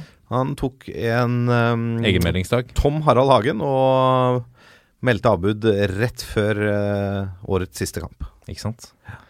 Han ble Men- ikke erstatta, da. Han ble Nei, det ble han ikke. Det ble han ikke. Eh, Vegard Bakke er også ut, ute uh, på ubestemt tid. Nei, vi satser på at de er tilbake. Er, er det skade på bakken? Ja, usikker, usikker. Senskader etter feiring og opprykk fortsatt. på jobb. Det kan være. Han er på jobb eh, på din uh, Han er og jobber for deg. Du sitter jo her. Stemmer det? Det er veldig bra at dere har forskjellig turnus, da, sånn at Ja. dere kan overlappe hverandre. Det er. Og sånn sett aldri være i studio samtidig. Ja, det er også kanskje like greit. Vi, med Eneste som står på programmet denne gangen, er vi, vi har jo denne kåringen som uh, i år har fått navnet Årets Udal. Og der eh, plukket uh, Jørgen Kjernås ut tre kandidater som skulle stemmes over på Twitter. Det var Ricky Alba for Lørenskog, 28 mål på 19 kamper. Vemund Eskevik, 50 mål på 25 kamper. Og Joakim Holtan fra, fra Mandalskameratene, 26 mål på 24 kamper. Ikke så overraskende, må vi kunne si, selv om du har jo Vi har jo snakket mye om målkongen uh, i, i eh, Lørenskog der uh, nå, FFK, Riki Alba. Så gikk altså Vemund Øskevik fra Drammens BK av med seieren som årets Udal. 50 mål altså på 25 kamper. Det er, uh, det er stort. Ja, det er bare å gratulere. Det er rett og slett bare å gratulere og konstatere at neste års pris da blir hetende Årets Eskevik. Får han kopp? Eh, han får en kopp, ja. Ja. Eh, Hvis du hører på, så må du sende mail til jeg toppfotball.451.no. Jeg forsøk, ja, eh, toppfotball.451.no. Eh, jeg forsøkte å finne hans telefonnummer, men da kom jeg til en, en fyr i oppe i nord der, i Nord-Norge. Jeg tror neppe han pendler ned til eh, Drammen. Men altså, han er så stor stjerne, du. Han har hemmelig nummer. Det kan være. Fotball.no. Må være mulig å finne en uh, klubbmail der. Ja, og, og kontakte klubben direkte, ja. For det er ikke lov å snakke direkte med spilleren, selvfølgelig. nei, nei. Nei, du må gå via klubb, ja. Ja, alltid, alltid. Kan hende de har noe sånn mediehåndteringsløp. I Drammens BK der, ja. Ja, å ja. Det Må regne med det. Ja. I hvert fall nå som han har blitt sånn stor profil. Ja, og nå er det vel bare spørsmål om tid før godset er på ballen, tenker jeg. Ja, det bør det være. Ja. Jostein Flo plukker opp uh, Vemund Eskevik. Nydelig, uh, nydelig det. Uh, herregud, for en statistikk. Det skal bli interessant å se om han klarer å følge opp dette. Og eh, hvem da som blir eh, havner i, i kampen om årets Eskevik, da. 2020. For, altså, smak på Smak på tittelen. Eh, Klinger det bra? Ja. Årets Eskevik? Årets Eskevik. Men jeg føler egentlig den prisen egentlig er ennå årets trøen, skjønner du. Ja, ja. Det er egentlig den, det er det jeg forbinder den prisen med, fatter du. Du forbinder det med Trønen? Ja, det, det ble liksom årets trøen. Ja, jeg skjønner. Nei, men nå er det årets Etter var det, Eskevik. ja. Ja. Mulig, mulig det bare burde vært sånn Bare burde hete årets trøye. Å ja, ferdig med det. Liksom. At det er liksom uh, Det er prisens prisen. far. Ja, ja. Å ja, prisens far. Ja, han ble jo på en måte første vinneren. Ja, det er jo for så Men Vardy er jo på en måte prisens far, da. Ja, jo, ja, men han er jo et ja, ultimate, ikke sant? Tenk om, vi, tenk om vi finner en spiller neste år som har sittet litt i fengsel og, og, altså, Og skåret litt mål. Ja, Ja, det har vært nydelig. nydelig. Gratulerer til uh, Vemund Eskevik. Tusen takk for uh, stemmene. Han fikk altså 44% av, av eh, stemmene. På andreplass kom Ricky Alba med 32 og, og Joakim Holten hadde 25 Sterkt. Grattis. Send mail. Dette er toppfotball. Og så hadde vi jo en eh, tidligere her Vi ble enige i studiet om nominerte til uh, Var det hele seks kategorier fra årets eliteserie i 2019. Hvorav der også lot vi selvfølgelig eh, Twitter og, og lytterne på Twitter avgjøre hvem som stakk av med dette. La oss begynne med årets profil i Eliteserien. Der sto det mellom Slatko Tripic, Michael Carlsen og Vegard Hansen. Og det var Vegard Hansen som stakk av med, med seieren der. Eh, ikke uventet, må vi kunne si. I eh, kåringen Årets gjennombrudd i Eliteserien, eh, kanskje den minst Ja, altså, spennende kategorien. Hvis ikke flertallet hadde stemt fram Håkon Evjen fra Bodø-Glimt på den, Ja.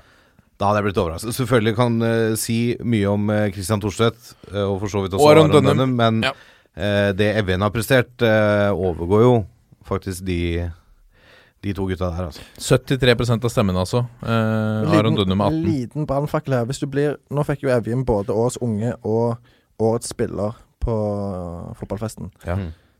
Hvis, er det mulig å løse det på den måten at hvis du blir Årets spiller, så går Årets unge til en annen?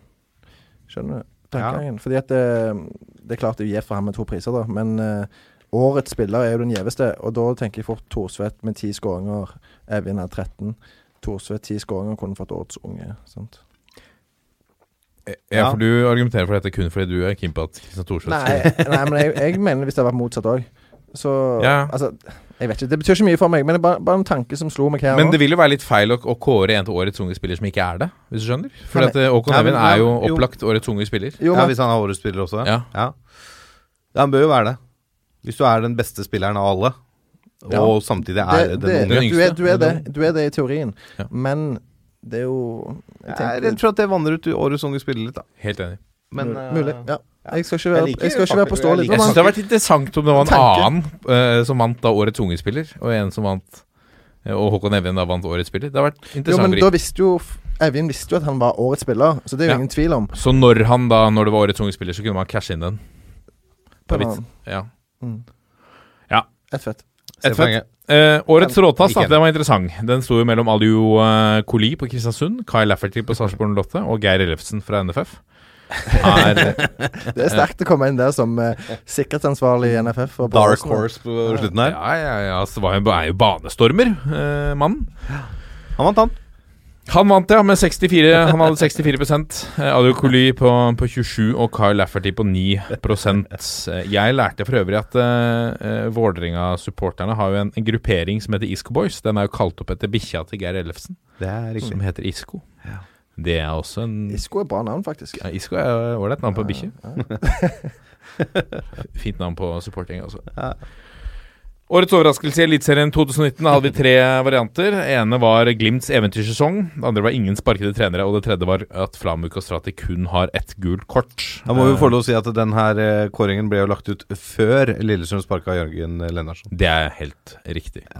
Som de gjorde etter sesongen, egentlig. Altså etter Den eliteseriesesongen. ordinære sesongen, ja. Ja. Så var altså ingen sparkede trener i sesongen. Men her stakk Flamuk Kastrati av da med den presistunge overraskelsesprisen. Med sitt ene gule kort. Havnet han bare på ett eh, gult til slutt også? Jeg lurer på det. Ja. Imponerende. Eh, 43% der altså. Eh, ingen sparkede trener på andreplass. Og så den siste. Årets trener i Eliteserien 2019 sto det mellom Erling Moe, Kjetil Knutsen og Bjarne Berntsen. Kanskje ikke en overraskelse heller. En knusende seier eh, til Kjetil Knutsen. 74 for det han har gjort med Bodø-Glimt, som jo er ikke bare en sterk prestasjon, men også en svært overraskende eh, variant. Eh, jeg gleder meg til neste sånn avspark-event, presseevent, før neste sesong. Mm. Jeg var på det i år, eh, og da fikk Kjetil Knutsen stort sett stå helt alene gjennom hele. Det får han eh, ikke session. neste i april neste år. Det tror jeg stemmer. Men jeg eh, Ikke for å ta fra Knutsen noe ære, men jeg mener ikke at det er så overlegent. Hvem som helst av de tre kunne fått den, mener jeg. Ja Jeg mener vel at, eh, at eh, Bjarne Berntsen og Kjetil Knutsens prestasjon er større enn Erling Moes. Ja, gjerne. Men, eh, gjerne. Men eh, i og med at begge de lagene der kunne Det er ingen som har blitt overraska om de hadde vært i nedrykksstriden, sant? og så gjør de det så bra. Så ja, sånn sett. Men Du ser bort fra cupgull, da, for dette er jo Eliteserien. Ja, OK. Men, eh, men, men Erling Moe, sant? Han, han tar et overlegent gull i Eliteserien med Molde, som ikke har vunnet på mange år, og ikke vært og ikke vært uh, i nærheten der, så, så det er jo en uhyre sterk prestasjon. Men de har på en måte vært så overlegne, føler jeg, hele sesongen at det, nå har bare folk, folk tatt det som en selvfølge. Sant? Men det, det Samtidig så hadde de på papiret før sesongen startet den aller beste salen. Og så har den aller beste salen innfridd, er egentlig det som har skjedd. Du, du har klart, og det, det krever en mann. Det er jo en prestasjon, dette også. Det gjør seg jo ikke selv. Og det å få alle disse til å fungere Jeg tror Rosenborg sitt eh, lønnsbudsjett er betydelig høyere enn Molde sitt, for å si det sånn. Ja, men laget Vi kunne vel sette oss ned med det laget og sammenligne de to lagene før sesongen og si at Molde her har en bedre dekning på alle plasser. Ikke nødvendigvis. Okay. Nå, ja, men så nå, sånn som sesongen har blitt, Ja, ja. med tanke på prestasjonene til Rosenborg-spillerne, Ja. at de je- jevnt over har vært under par i, eh, så ja, selvfølgelig. For det, nå, de, nå ser jo Molde veldig bra ut, eh, Mm. og Rosenborg veldig dårlig ut. Men på papiret før sesongen, så så vil jeg ikke Niklas Bentner rett ut av fengsel. Alex Søderlund mm, hatt en litt sånn halvveis eh, sesong. Jo, men altså, Allikevel. Leke James eh, hjem fra, fra Kina der uten å ha spilt eh, noe voldsomt eh, og sånn. sånn. Altså, jeg, Nå husker jeg ikke i detalj, men jeg mener før sesongen så var vi ganske usikre på hvem vi skulle sette på topp av Rosenborg og Molde. Jeg var helt sikker. Jeg hadde Molde. Ja, men eh, i panelet her så var det Det ble vel eh, Jeg stemt bare på vegne av Molde til slutt. Så Men jeg, jeg ser poenget ditt, eh, Martin. Men ehm, Men et seriegull er aldri en selvfølge. Nei, Absolutt ikke. seriegull er ikke en selvfølge. og- Men jeg mener disse to prestasjonene er mye større enn det Erling Moe Ja, har gjort. det, det er fordi det er så overraskende. For man hadde forventa at de to klubbene skulle være mye lenger ned på tabellen. Ja. Og det er det som jeg tror gjør det, da. Og jeg syns det er fullt fortjent at Kjetil Knutsen tar den. Mm. Uh, ikke misforstå meg rett på det, altså. Men uh, jeg ser veldig godt poenget. Og det er derfor jeg har tre kandidater. Ja, tre, ver Men, eh, tre verdige kandidater. verdige, absolutt. Det er jo folket som har sendt fram. Ja. Men du, vi var jo så vidt innom det, da. Men eh, han som ble årets unge spiller, ble jo også årets spiller. Ja. Du sa vel ikke kandidatene på årets spiller, sa du det? Jo, kandidatene på årets spiller. Det, det var den første vi hadde. Uh, det var Ja, nei, stemmer det. Håkon Evjen, Torgeir Børven og Leke James. Ja. Det er riktig. Børven er på andreplass, altså. Ja. Dette er toppfotball. Da har vi kommet til lyttespørsmål, og vi begynner med toppfotballvenn og programleder i Harde mottak, eh, Trym Hogner, Hognerex på Twitter. Han skriver ukas les 'Årets kaktus' går til Lasse Wangstein for hans evinnelige anti-anti-maning om LSK, og til Jotjar for hans hodeløse tabelltips om sjetteplass for nevnte møkkalag. Resten av panelet ønskes dog en riktig god vinterfest og unnes rikelig med tradisjonsmat. Takk. Mange takk. takk. ja. Tilsvar, Lasse Wangstein. Ja.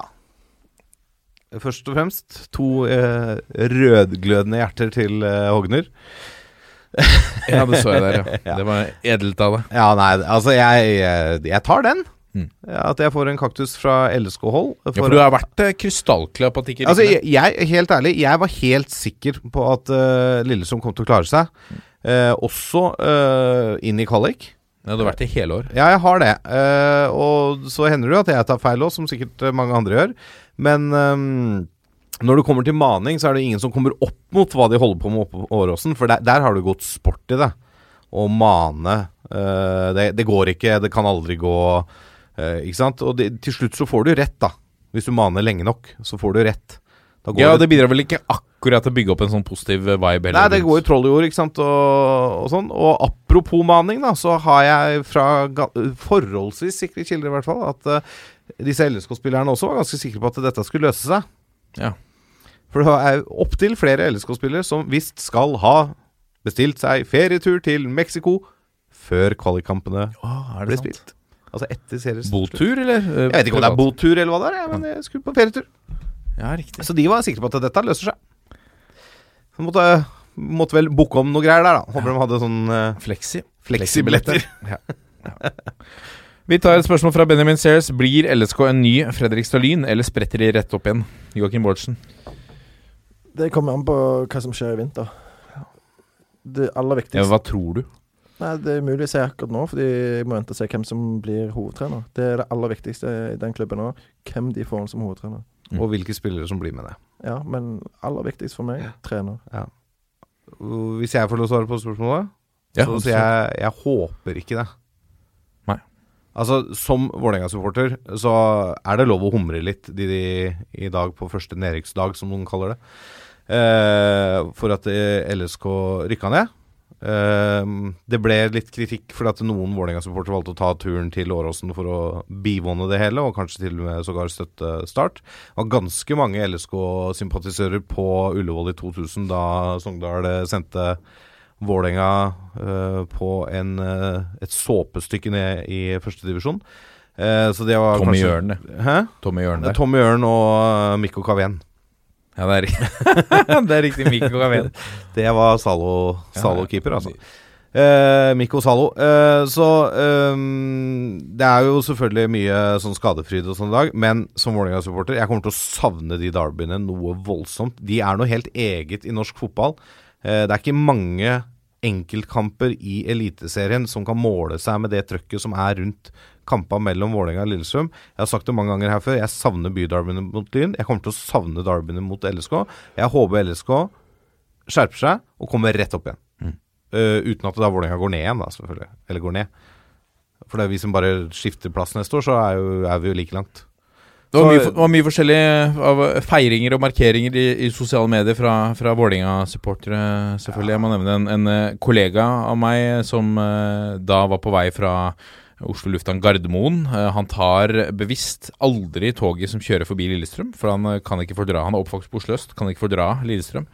Denne gangen så eh, bestemte han seg. Nå skal jeg kjøre innom Lillestrøm. Så han ventet ekstra 20 minutter for å få med seg toget som kjørte innom Lillestrøm. Da fikk jeg en snap om at han gikk av eh, toget ut på perrongen, eh, sto og jubla, skrev ut et par ukvemsord og gikk på toget igjen. Ja, men Da er du altså, engasjert. Men altså, det, fotball er følelser.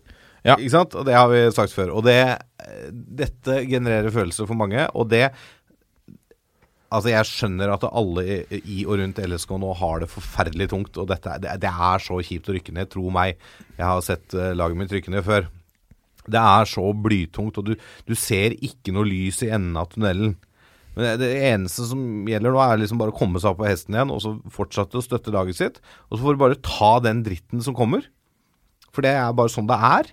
Og dette hatet skaper interesse. Ja, det er akkurat det det gjør. Det skaper engasjement. Og uh, har vært så høye og mørke i alle år på denne rekka si med, kamp, med sesonger oppe i Eliteserien. Jeg har sagt det før, jeg føler at det eneste ambisjonen de har hatt de siste åra, har vært å holde seg for å holde rekka levende. Nå er den rekka brukt. Da er det på tide å finne seg noen nye ambisjoner, som f.eks. å rykke opp fra Obos-ligaen. Ja.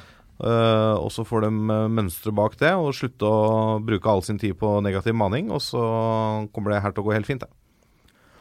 Vi tar et spørsmål fra uh, min gode venn eh, Patrick uh, P. Bjerkis på Twitter. Hvorfor kan Martin Ropstad så mye om TV-serien TJ Hooker? Og hvorfor har ikke kompisgjengen ledd av han pga. dette i alle år? Hva er dette for noe? Uh, nei, vi, jeg hadde jo en sofa-spesial her med Håvard i, i forrige uke, og da kom vi inn på, på, slutten der, så sklei det helt ut. Og da var vi innom Heather Lockley, Ja, jeg husker den. og hun spilte i TJ Hooker. Hun var Stacey der. Ja, det var derfor du har det Tidlig i Ja. karrieren spilte hun Stacey, som var da kjæresten til Romano, som var partneren til TJ Hooker. Han yngre, litt uh, solbrune partneren til TJ Hooker der. Han er litt sånn italiener, han der. Ja, italiensk-amerikaner. eh, mest sannsynlig høres det på navnet òg. Romano. Ja, ja. Eh, sterk serie, TJ Hooker. Ja, jeg er helt enig. Han var jo lignet litt på sånn uh, Mitch Buchanan i Baywatch, han uh, hovedpolitien der, gjør ikke det? Ja, William Shatner, ja. Han var på en måte TJ Hookers eh, eh, Mitch, Ja. vil jeg si. God serie. Jeg Ja, ja, så litt på den sjøl. Nydelig serie. Men uh, Hedda Lockler er enda bedre i Mellows Place, da. Ja, ja, sterk i Melrose Ja, Place. var- eh, og, og var jo Solid. special guest star der. Hun spilte jo i alle sesongene. men Det sto alltid på introen der. Ja. Special guest star. Ja, det fortjente du. Ja, det syns jeg Det synes jeg var, eh, var frekt. Special guest star. Hun ble jo sammen med i virkeligheten Ble sammen med han som spilte Peter. Peter i um, Han var, han var jo helt gæren, han Peter. var gal. Men han Ja, var jo sammen med Kimberley. Hun var jo også klin gæren. Ja, ja. Fullstendig psykopat Kimberley der. Med. Marcia Cross er det som spiller. Hun spilte jo i uh, Frustrerte fruer også. Var jo gæren der også. Er Marcia det frustrerte fruer også en serie du har sett på?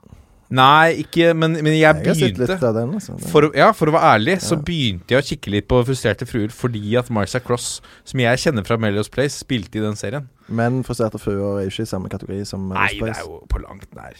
Men, Det leilighetskomplekset der. Ja, ja, Vet du hva, nå da bryter jeg, bryter jeg disse såpeoperaene fra Amerika. Eh, Ja. Vi har fått et spørsmål fra Tor Egil eh, G. Simensen, Tegg Simensen på Twitter. Kjør! Neste år, Ørn Horten Hønefoss ballklubb i tredjedivisjon avdeling 2. Hvordan blir stemningen mellom Martin Roppestad og Jørgen Kjernås, eh, tror du, Lasse? Enorm overgang fra Hedda Locklear til dette her, Ja, men det er greit. jeg måtte bare ta den. Radio, radiofaglig sterk. Bare, bare så det er sagt, da, så mener jeg Hedda Locklear er helt der oppe av kvinnelige sånn film... Nei, serie. film- Serie, ja. Må skille på Ja. Eh, filmer og serier ja, der. ja, hun hadde gjort seg bra i en film. Da ønsker vi velkommen til Heather Lockler-podden med Martin Roppestad og Joakim Bortsen. Det blir sånn eh, sommer Dagens programleder er Lasse Wangstein. Ja. Nei, eh, hva, hva tror vi om stemningen eh, der? Jeg tror den stemningen eh, blir bra generelt hele året, bortsett fra de to gangene lagene skal møtes. Da blir det litt eh, eh, Litt uh, ugleseng på hverandre. Hva tror du, Martin Ropstad? Hvordan blir stemningen mellom deg og Jørgen? Nå er ikke han her Nei, vi- til å svare for seg selv. Nei, vi er jo på en måte begge to litt sånn Jeg er jo evig optimist på eh, Jeg er jo United-supporter, så da er jeg alltid optimist. Jeg tror de kan vinne enhver kamp. Jeg tror de alltid kan snu. Mm. I, på norgesbilder så, så er jeg akkurat samme. Jeg går inn og tror at vi kan snu alt, alltid. Ja. Mm, på Vålerenga så er jeg ikke det, uh, og på Ørn Horten så er jeg i hvert fall ikke det. På Ørn Horten eh, Altså, når jeg går og ser en Ørn-kamp, så er jeg også ganske sikker på at dette går til helvete hver eneste gang. Du er litt sånn LSK-supporter. Ja, bare at jeg messer ikke så mye om det. Jeg, jeg liker å holde det litt inne for meg selv. Og, og på en måte ikke kose meg med det, men jeg har nok med å takle det selv. Ja. Eh, og, og det er jo en selvforsvarsmekanisme for å forsvare seg mot potensiell skuffelse. Nettopp. Og Det er jo derfor jeg maner så For mye jeg har blitt litt skuffa. Men jeg har også hatt noen av mine største opp øyeblikk i livet, da. Det skal sies, på tribunen i Lystlund. Ja. Nei, det blir, eh, det blir spennende å følge den duellen der, da. Ja, det blir det. Det er jo, gir jo en, eh, en litt ekstra krydder for eh, toppfotball 2020. Det er jo en herlig avdeling òg, da. Med Flint der, med Jon Arne Riise som trener. eh, FK. Eik Tønsberg med Ronny Johnsen. Sean Ronny Johnsen. Sean Ronny. Fantastisk. Altså, den avdelingen skal vi følge. Tenk deg altså at vi har to Champions League-vinnere som trenere i norsk tredjedivisjon avdeling 2. Det er rått. Det er så rått, det. Ja. Eh, skal jeg Jeg har spørsmål til. Ja, kjør, da. Uh, Henrik Elman. Bodø-Glimts bud på Espejord, altså hva faen? Ja, han var litt sint på det, han. Eh, Bodø-Glimt har visst lagt inn bud på Runar Espejord der. Eh, Tromsø-helten. Jeg Så så jeg var en som kommenterte etterpå at dette må være greit. Hadde rollene vært snudd, skal du ikke se bort fra at Tromsø hadde lagt inn et skambud på Patrick Berg og Fredrik Bjørkan og Ulrik Saltnes og sånn. for eksempel. Ja. Nei da, det er klart. Altså, det er jo survival of the fittest, det her. Ja. Det er fotballens mekanismer rår. Eh, hvis eh, Bodø-Glimt trenger penger og Nei, Tromsø trenger penger, og Bodø-Glimt er villig til å betale de pengene. Og selvfølgelig hvis Runar Espejord er villig til å Altså, jeg tror Runar Espejord i skadefri form hadde jo passa perfekt i Bodø-Glimt-stilen. I den 4-3-3 der, som midtspiss der. Og så er han jo en herlig figur, da. Altså, ja. Legende. ja, han, han er nydelig i TV-intervjuer, altså. Han må til Eliteserien på et eller annet uh, nivå. Altså, han kan ikke drive og rote ned Obos nå. Nei, men det, det skjer òg. Han eh, var ettertrakta før den sesongen, vet jeg. Eh, apropos Vålerenga, ser jeg ikke bort ifra at de henter Espejord.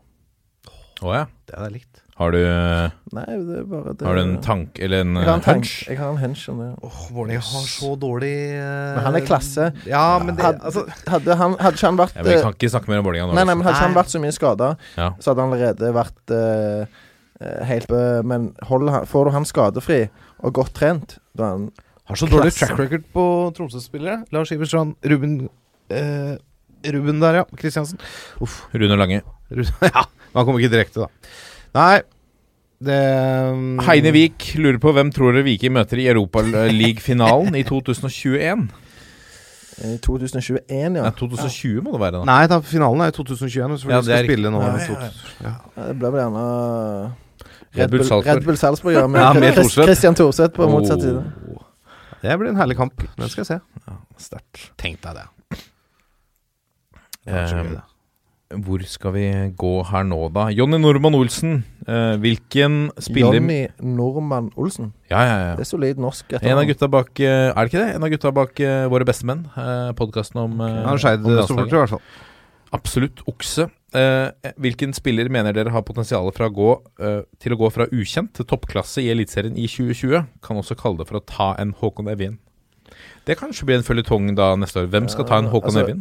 Den som slår meg umiddelbart da, er ikke ukjent eh, eh, for mange, men Yldren Uldren Ibrahimai. Ja. En eh, Han har vært god i år, da. enorm spiller. Som Han har slått gjennom i år. ja, men, ja, det kan du si, men han, var veldig, han ble jo henta i fjor sommer til Viking fra Mjøndalen i Obos. Mm. Var god hele sesongen både for Mjøndalen og Viking i Obos. Kommer opp her nå. Første sesongen i Eliteserien og er fantastisk bra og en ekstremt viktig spiller for Viking. Fordi én ting er tekniske ferdighetene han har.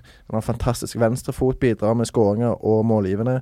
Men så har han en sånn herlig innstilling. Han, er, han, han jager en sånn herlig intensitet i spillet sitt som drar med seg lagkamerater. Enten når man spiller indreløper eller kant, så er han sånn signalspiller. Lasse. Ja, ja, ja. ja. Deilig. Så, um, så han jeg vet, han jeg vet ikke om jeg skal si han er undervurdert, men han har i hvert fall et eh, potensial til å herje i Eliteserien neste sesong. Ja. Hadde det ikke vært for at han skåra hat trick eh, på seks minutter på Åråsen, så skulle jeg sagt eh, Martin Ramstad. ja, det er ikke noe dum eh, variant, det. da Men da, han ble ganske kjent da etter det, de minuttene der. Ja, det kan du si. men han er jo fortsatt ubeskrevet i Ja. Eliteserien. Han er det. Men jeg har lyst til å si uh, Oliver Edvardsen i Stabæk. Han har jo så vidt vist seg fram i Eliteserien, men uh, han tror jeg fort kan være en sånn spiller som blir en, uh, en sentral spiller for Stabæk neste år, og som kommer til å gjøre det meget, meget bra. Meget spennende spiss, eh, må vi si. Jeg har også, men det, vi kan ikke kalle det Nei, det, det kommer ikke i samme kategori. Men Bonifis blir uansett, hvis vi ser bort fra dette han blir, eh, Jeg er ganske overbevist om han blir en profil i, eh, i sesongen som kommer. De greiene han holder på med nå på slutten. Du ser at en mann har noe. Han er, 19, er han ikke 19 år? Edvardsen? Nei. Nå datt jeg helt ut, sorry. Ja, eh, nei, Victor Bonifice. 18 år er. Ja, 18 år, ja. 19. Ja. Ja, ja, ja. Han fikk jo målet sitt, da. Ja, han gjorde det. Så det er jo Ja, bra, vet Ja, det er det. Nei, han har jo noe ved seg. Så har vi jo fått en, eh, en rekke flere spørsmål her knyttet til litt sånn silly season. Et par spørsmål også som vi strengt tatt trenger enten Vegard Bakkehaug eller Jørgen Kjernås i studio for å kunne svare vettugt eh, Ja, for det er litt på. mer sånn andre tredjedivisjon. Ja, Detaljkunnskap om Bossmann-spillere i tredjedivisjon avdeling tre. Det er vanskelig. Har du god altså. oversikt, Lasse Nei, der er, må jeg dessverre melde pass. Ja, Der er jeg dårlig. Vi putter den i arkivet her. Uh, vi skal altså nå Nå er jo denne sesongen ferdig, da. eh, og, men det er jo ikke lenge nå igjen. Nå, nå skal man ha en liten juleferie. Og Jeg, vil uansett, jeg har jo ikke vært med nå på ei stund. Jeg har jo sendt deg en melding, Martin, men jeg kan jo benytte muligheten nå som det er noen lyttere òg, til å si at uh, jeg syns du fortjener en stor tulipan fra Lasse Wangstein og oss Ja, andre for, eh, for den jobben du har lagt ned eh, denne Å sesongen. ja, mange takk. Det var raust. Så jeg vet ikke om uh, lytterne er interessert i å høre på for mye skryt fra oss mellom uh, hverandre, men en enorm jobb. Så, Altså, vi- vi kan jo si det sånn, da. Sånn at folk skjønner litt hvordan det her fungerer. Vi kommer i studio til dekabord. Martin lager kjøreplan, han booker gjester, han gjør alt. Vi kommer ned, setter oss ned og raller. Og du leder Det er viktig, den rallingen. Da. Du, du, du holder i tømmene. Og kan ikke vi, som det hender, da booker du en eller annen gjest, setter deg i sofaen og ser en eller annen eh, komiker. Avdanket komiker. Nåværende Jeg, jeg føler du er sånn Du er den defensive midtbanespilleren med kapteinsbåndet Så styrer. Ja. Du er kaptein. Så ja da, tulipan burde du få. Tusen hjertelig takk. Um, det er jo en ære, selvfølgelig, og en, en fryd å arbeide med så kompetente mennesker. Og så er det jo en um, Det er jo nydelig å kunne møtes en gang i uka og, og tømme seg for både glede og frustrasjon om eh, norsk fotball. Vi elsker det. Ja, det har vært en kul sesong. Innholdsrik. Sant? Det har skjedd masse. Lillestrøm rykker ned. Helt utrolig. Det er helt utrolig. Molde vinner. eh, Rosenborg eh, kaper, kaper tredjeplassen og europacupspill i siste serierunde der. Ja, for det som har sett så svart ut, ikke sant, Ja, med Rosenborg, Ja, og, og, det, og så det, og det er jo karrer de seg Ja, til en tredjeplass Men det er, det er rimelig mørkt. Men hadde de ikke fått den europacupplassen der, så kunne det vært veldig, veldig veldig mye verre. Odd eh, Synd for de, men de får jo en kjempenedtur uh, i siste serierunde. Miss eh, medalje, miss europacupspill. Viking med cupfinale og, og en veldig sterk femteplass. Brann eh, som har slitt. Reiser de seg neste sesong? Sant? Du har Brann, du har Rosenborg, du har Vålerenga. Eh, du har Lillestrøm i Obos, som er nødt til å, til å vise seg fra en helt annen side for å vinne tilbake publikum. Sant? Så det, det er veldig mye Så har vi Odd da, og, og Dag Eller Fagermo som har ligget på medalje. Ja. Gudene vet. Altså hele sesongen omtrent. Så, må, så glipper det helt på slutten. Det må være surt. Virkelig surt der òg, altså. Eh, Og så er jeg så spent på, øh, på opprykkslaga, da. Ja. Ålesund, Sandefjord og Start. Men jeg er spesielt spent på Ålesund. Mm. Hva klarer Lars Bohinen med den litt uortodokse spillestilen sin å få til i Eliteserien nå med dette Ålesund-laget?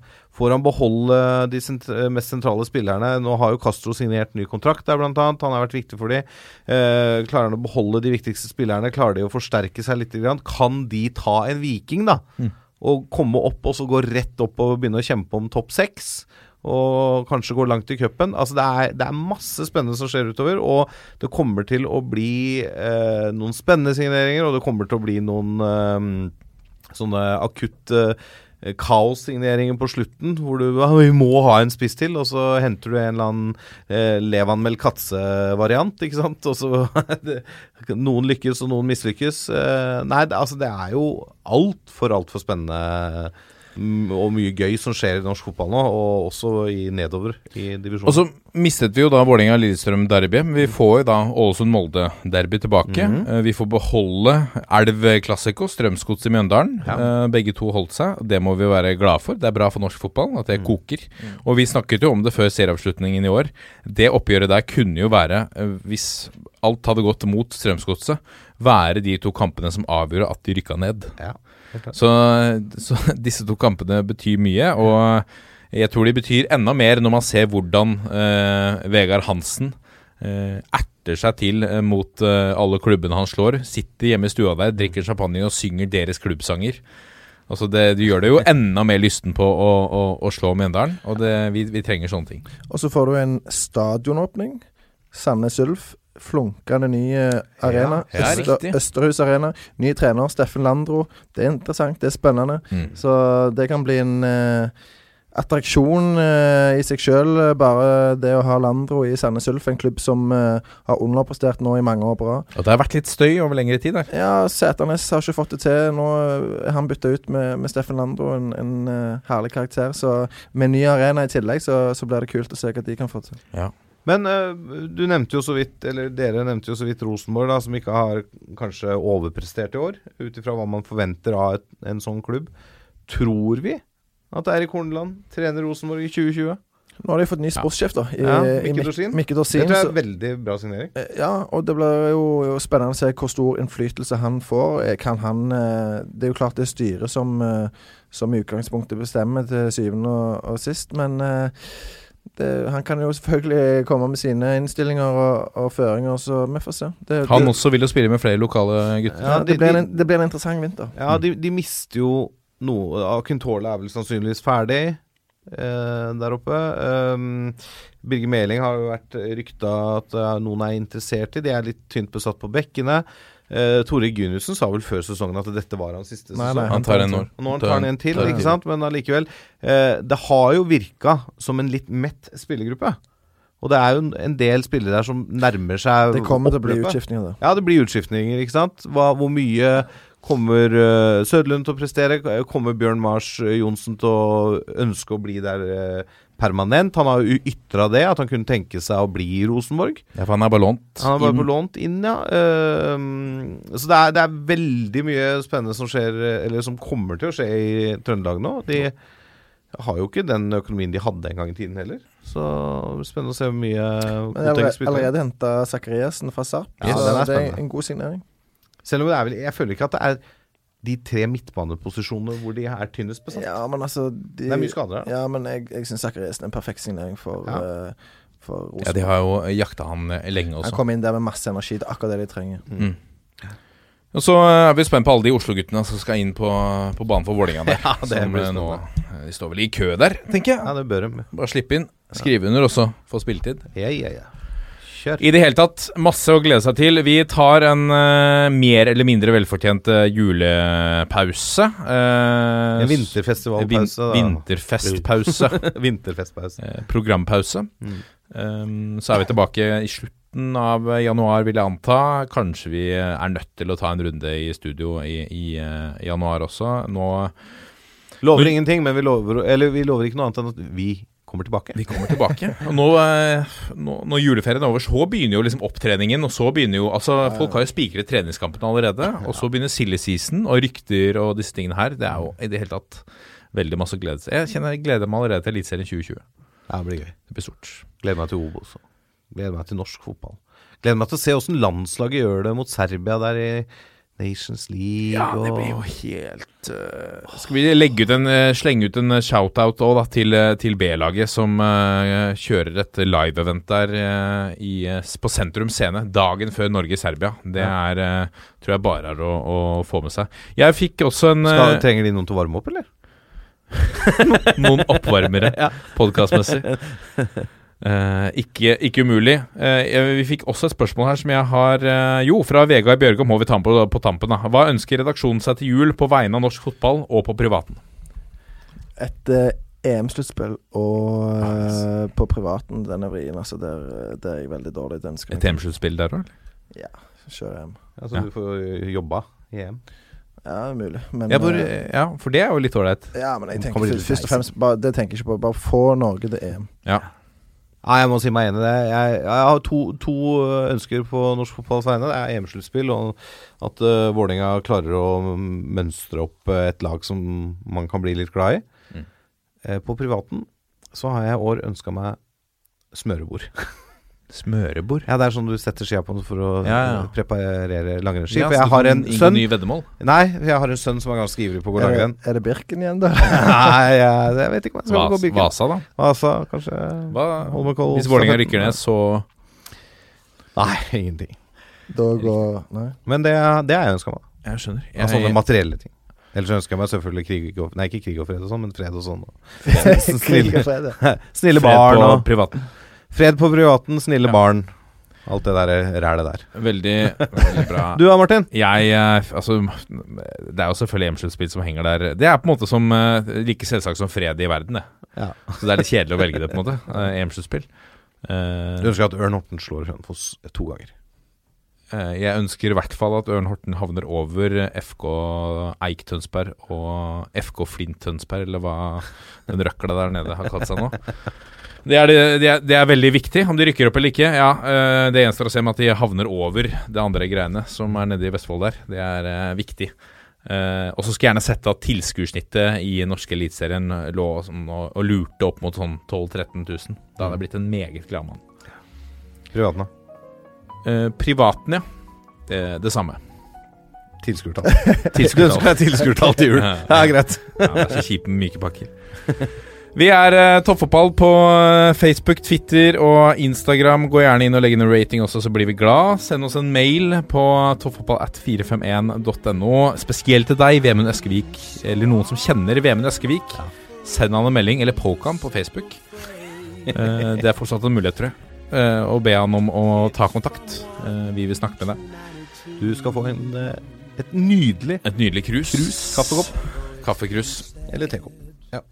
Så må vi avslutte med å ønske alle sammen en riktig God God jul. god jul. Ja. Det er helt Og riktig. godt nyttår. Og godt Godt, ja. nyttår. Ja. Godt nytt fotballår. Og så avslutter vi på 1, 2, 3. Vi er en med. gjeng. Ha det!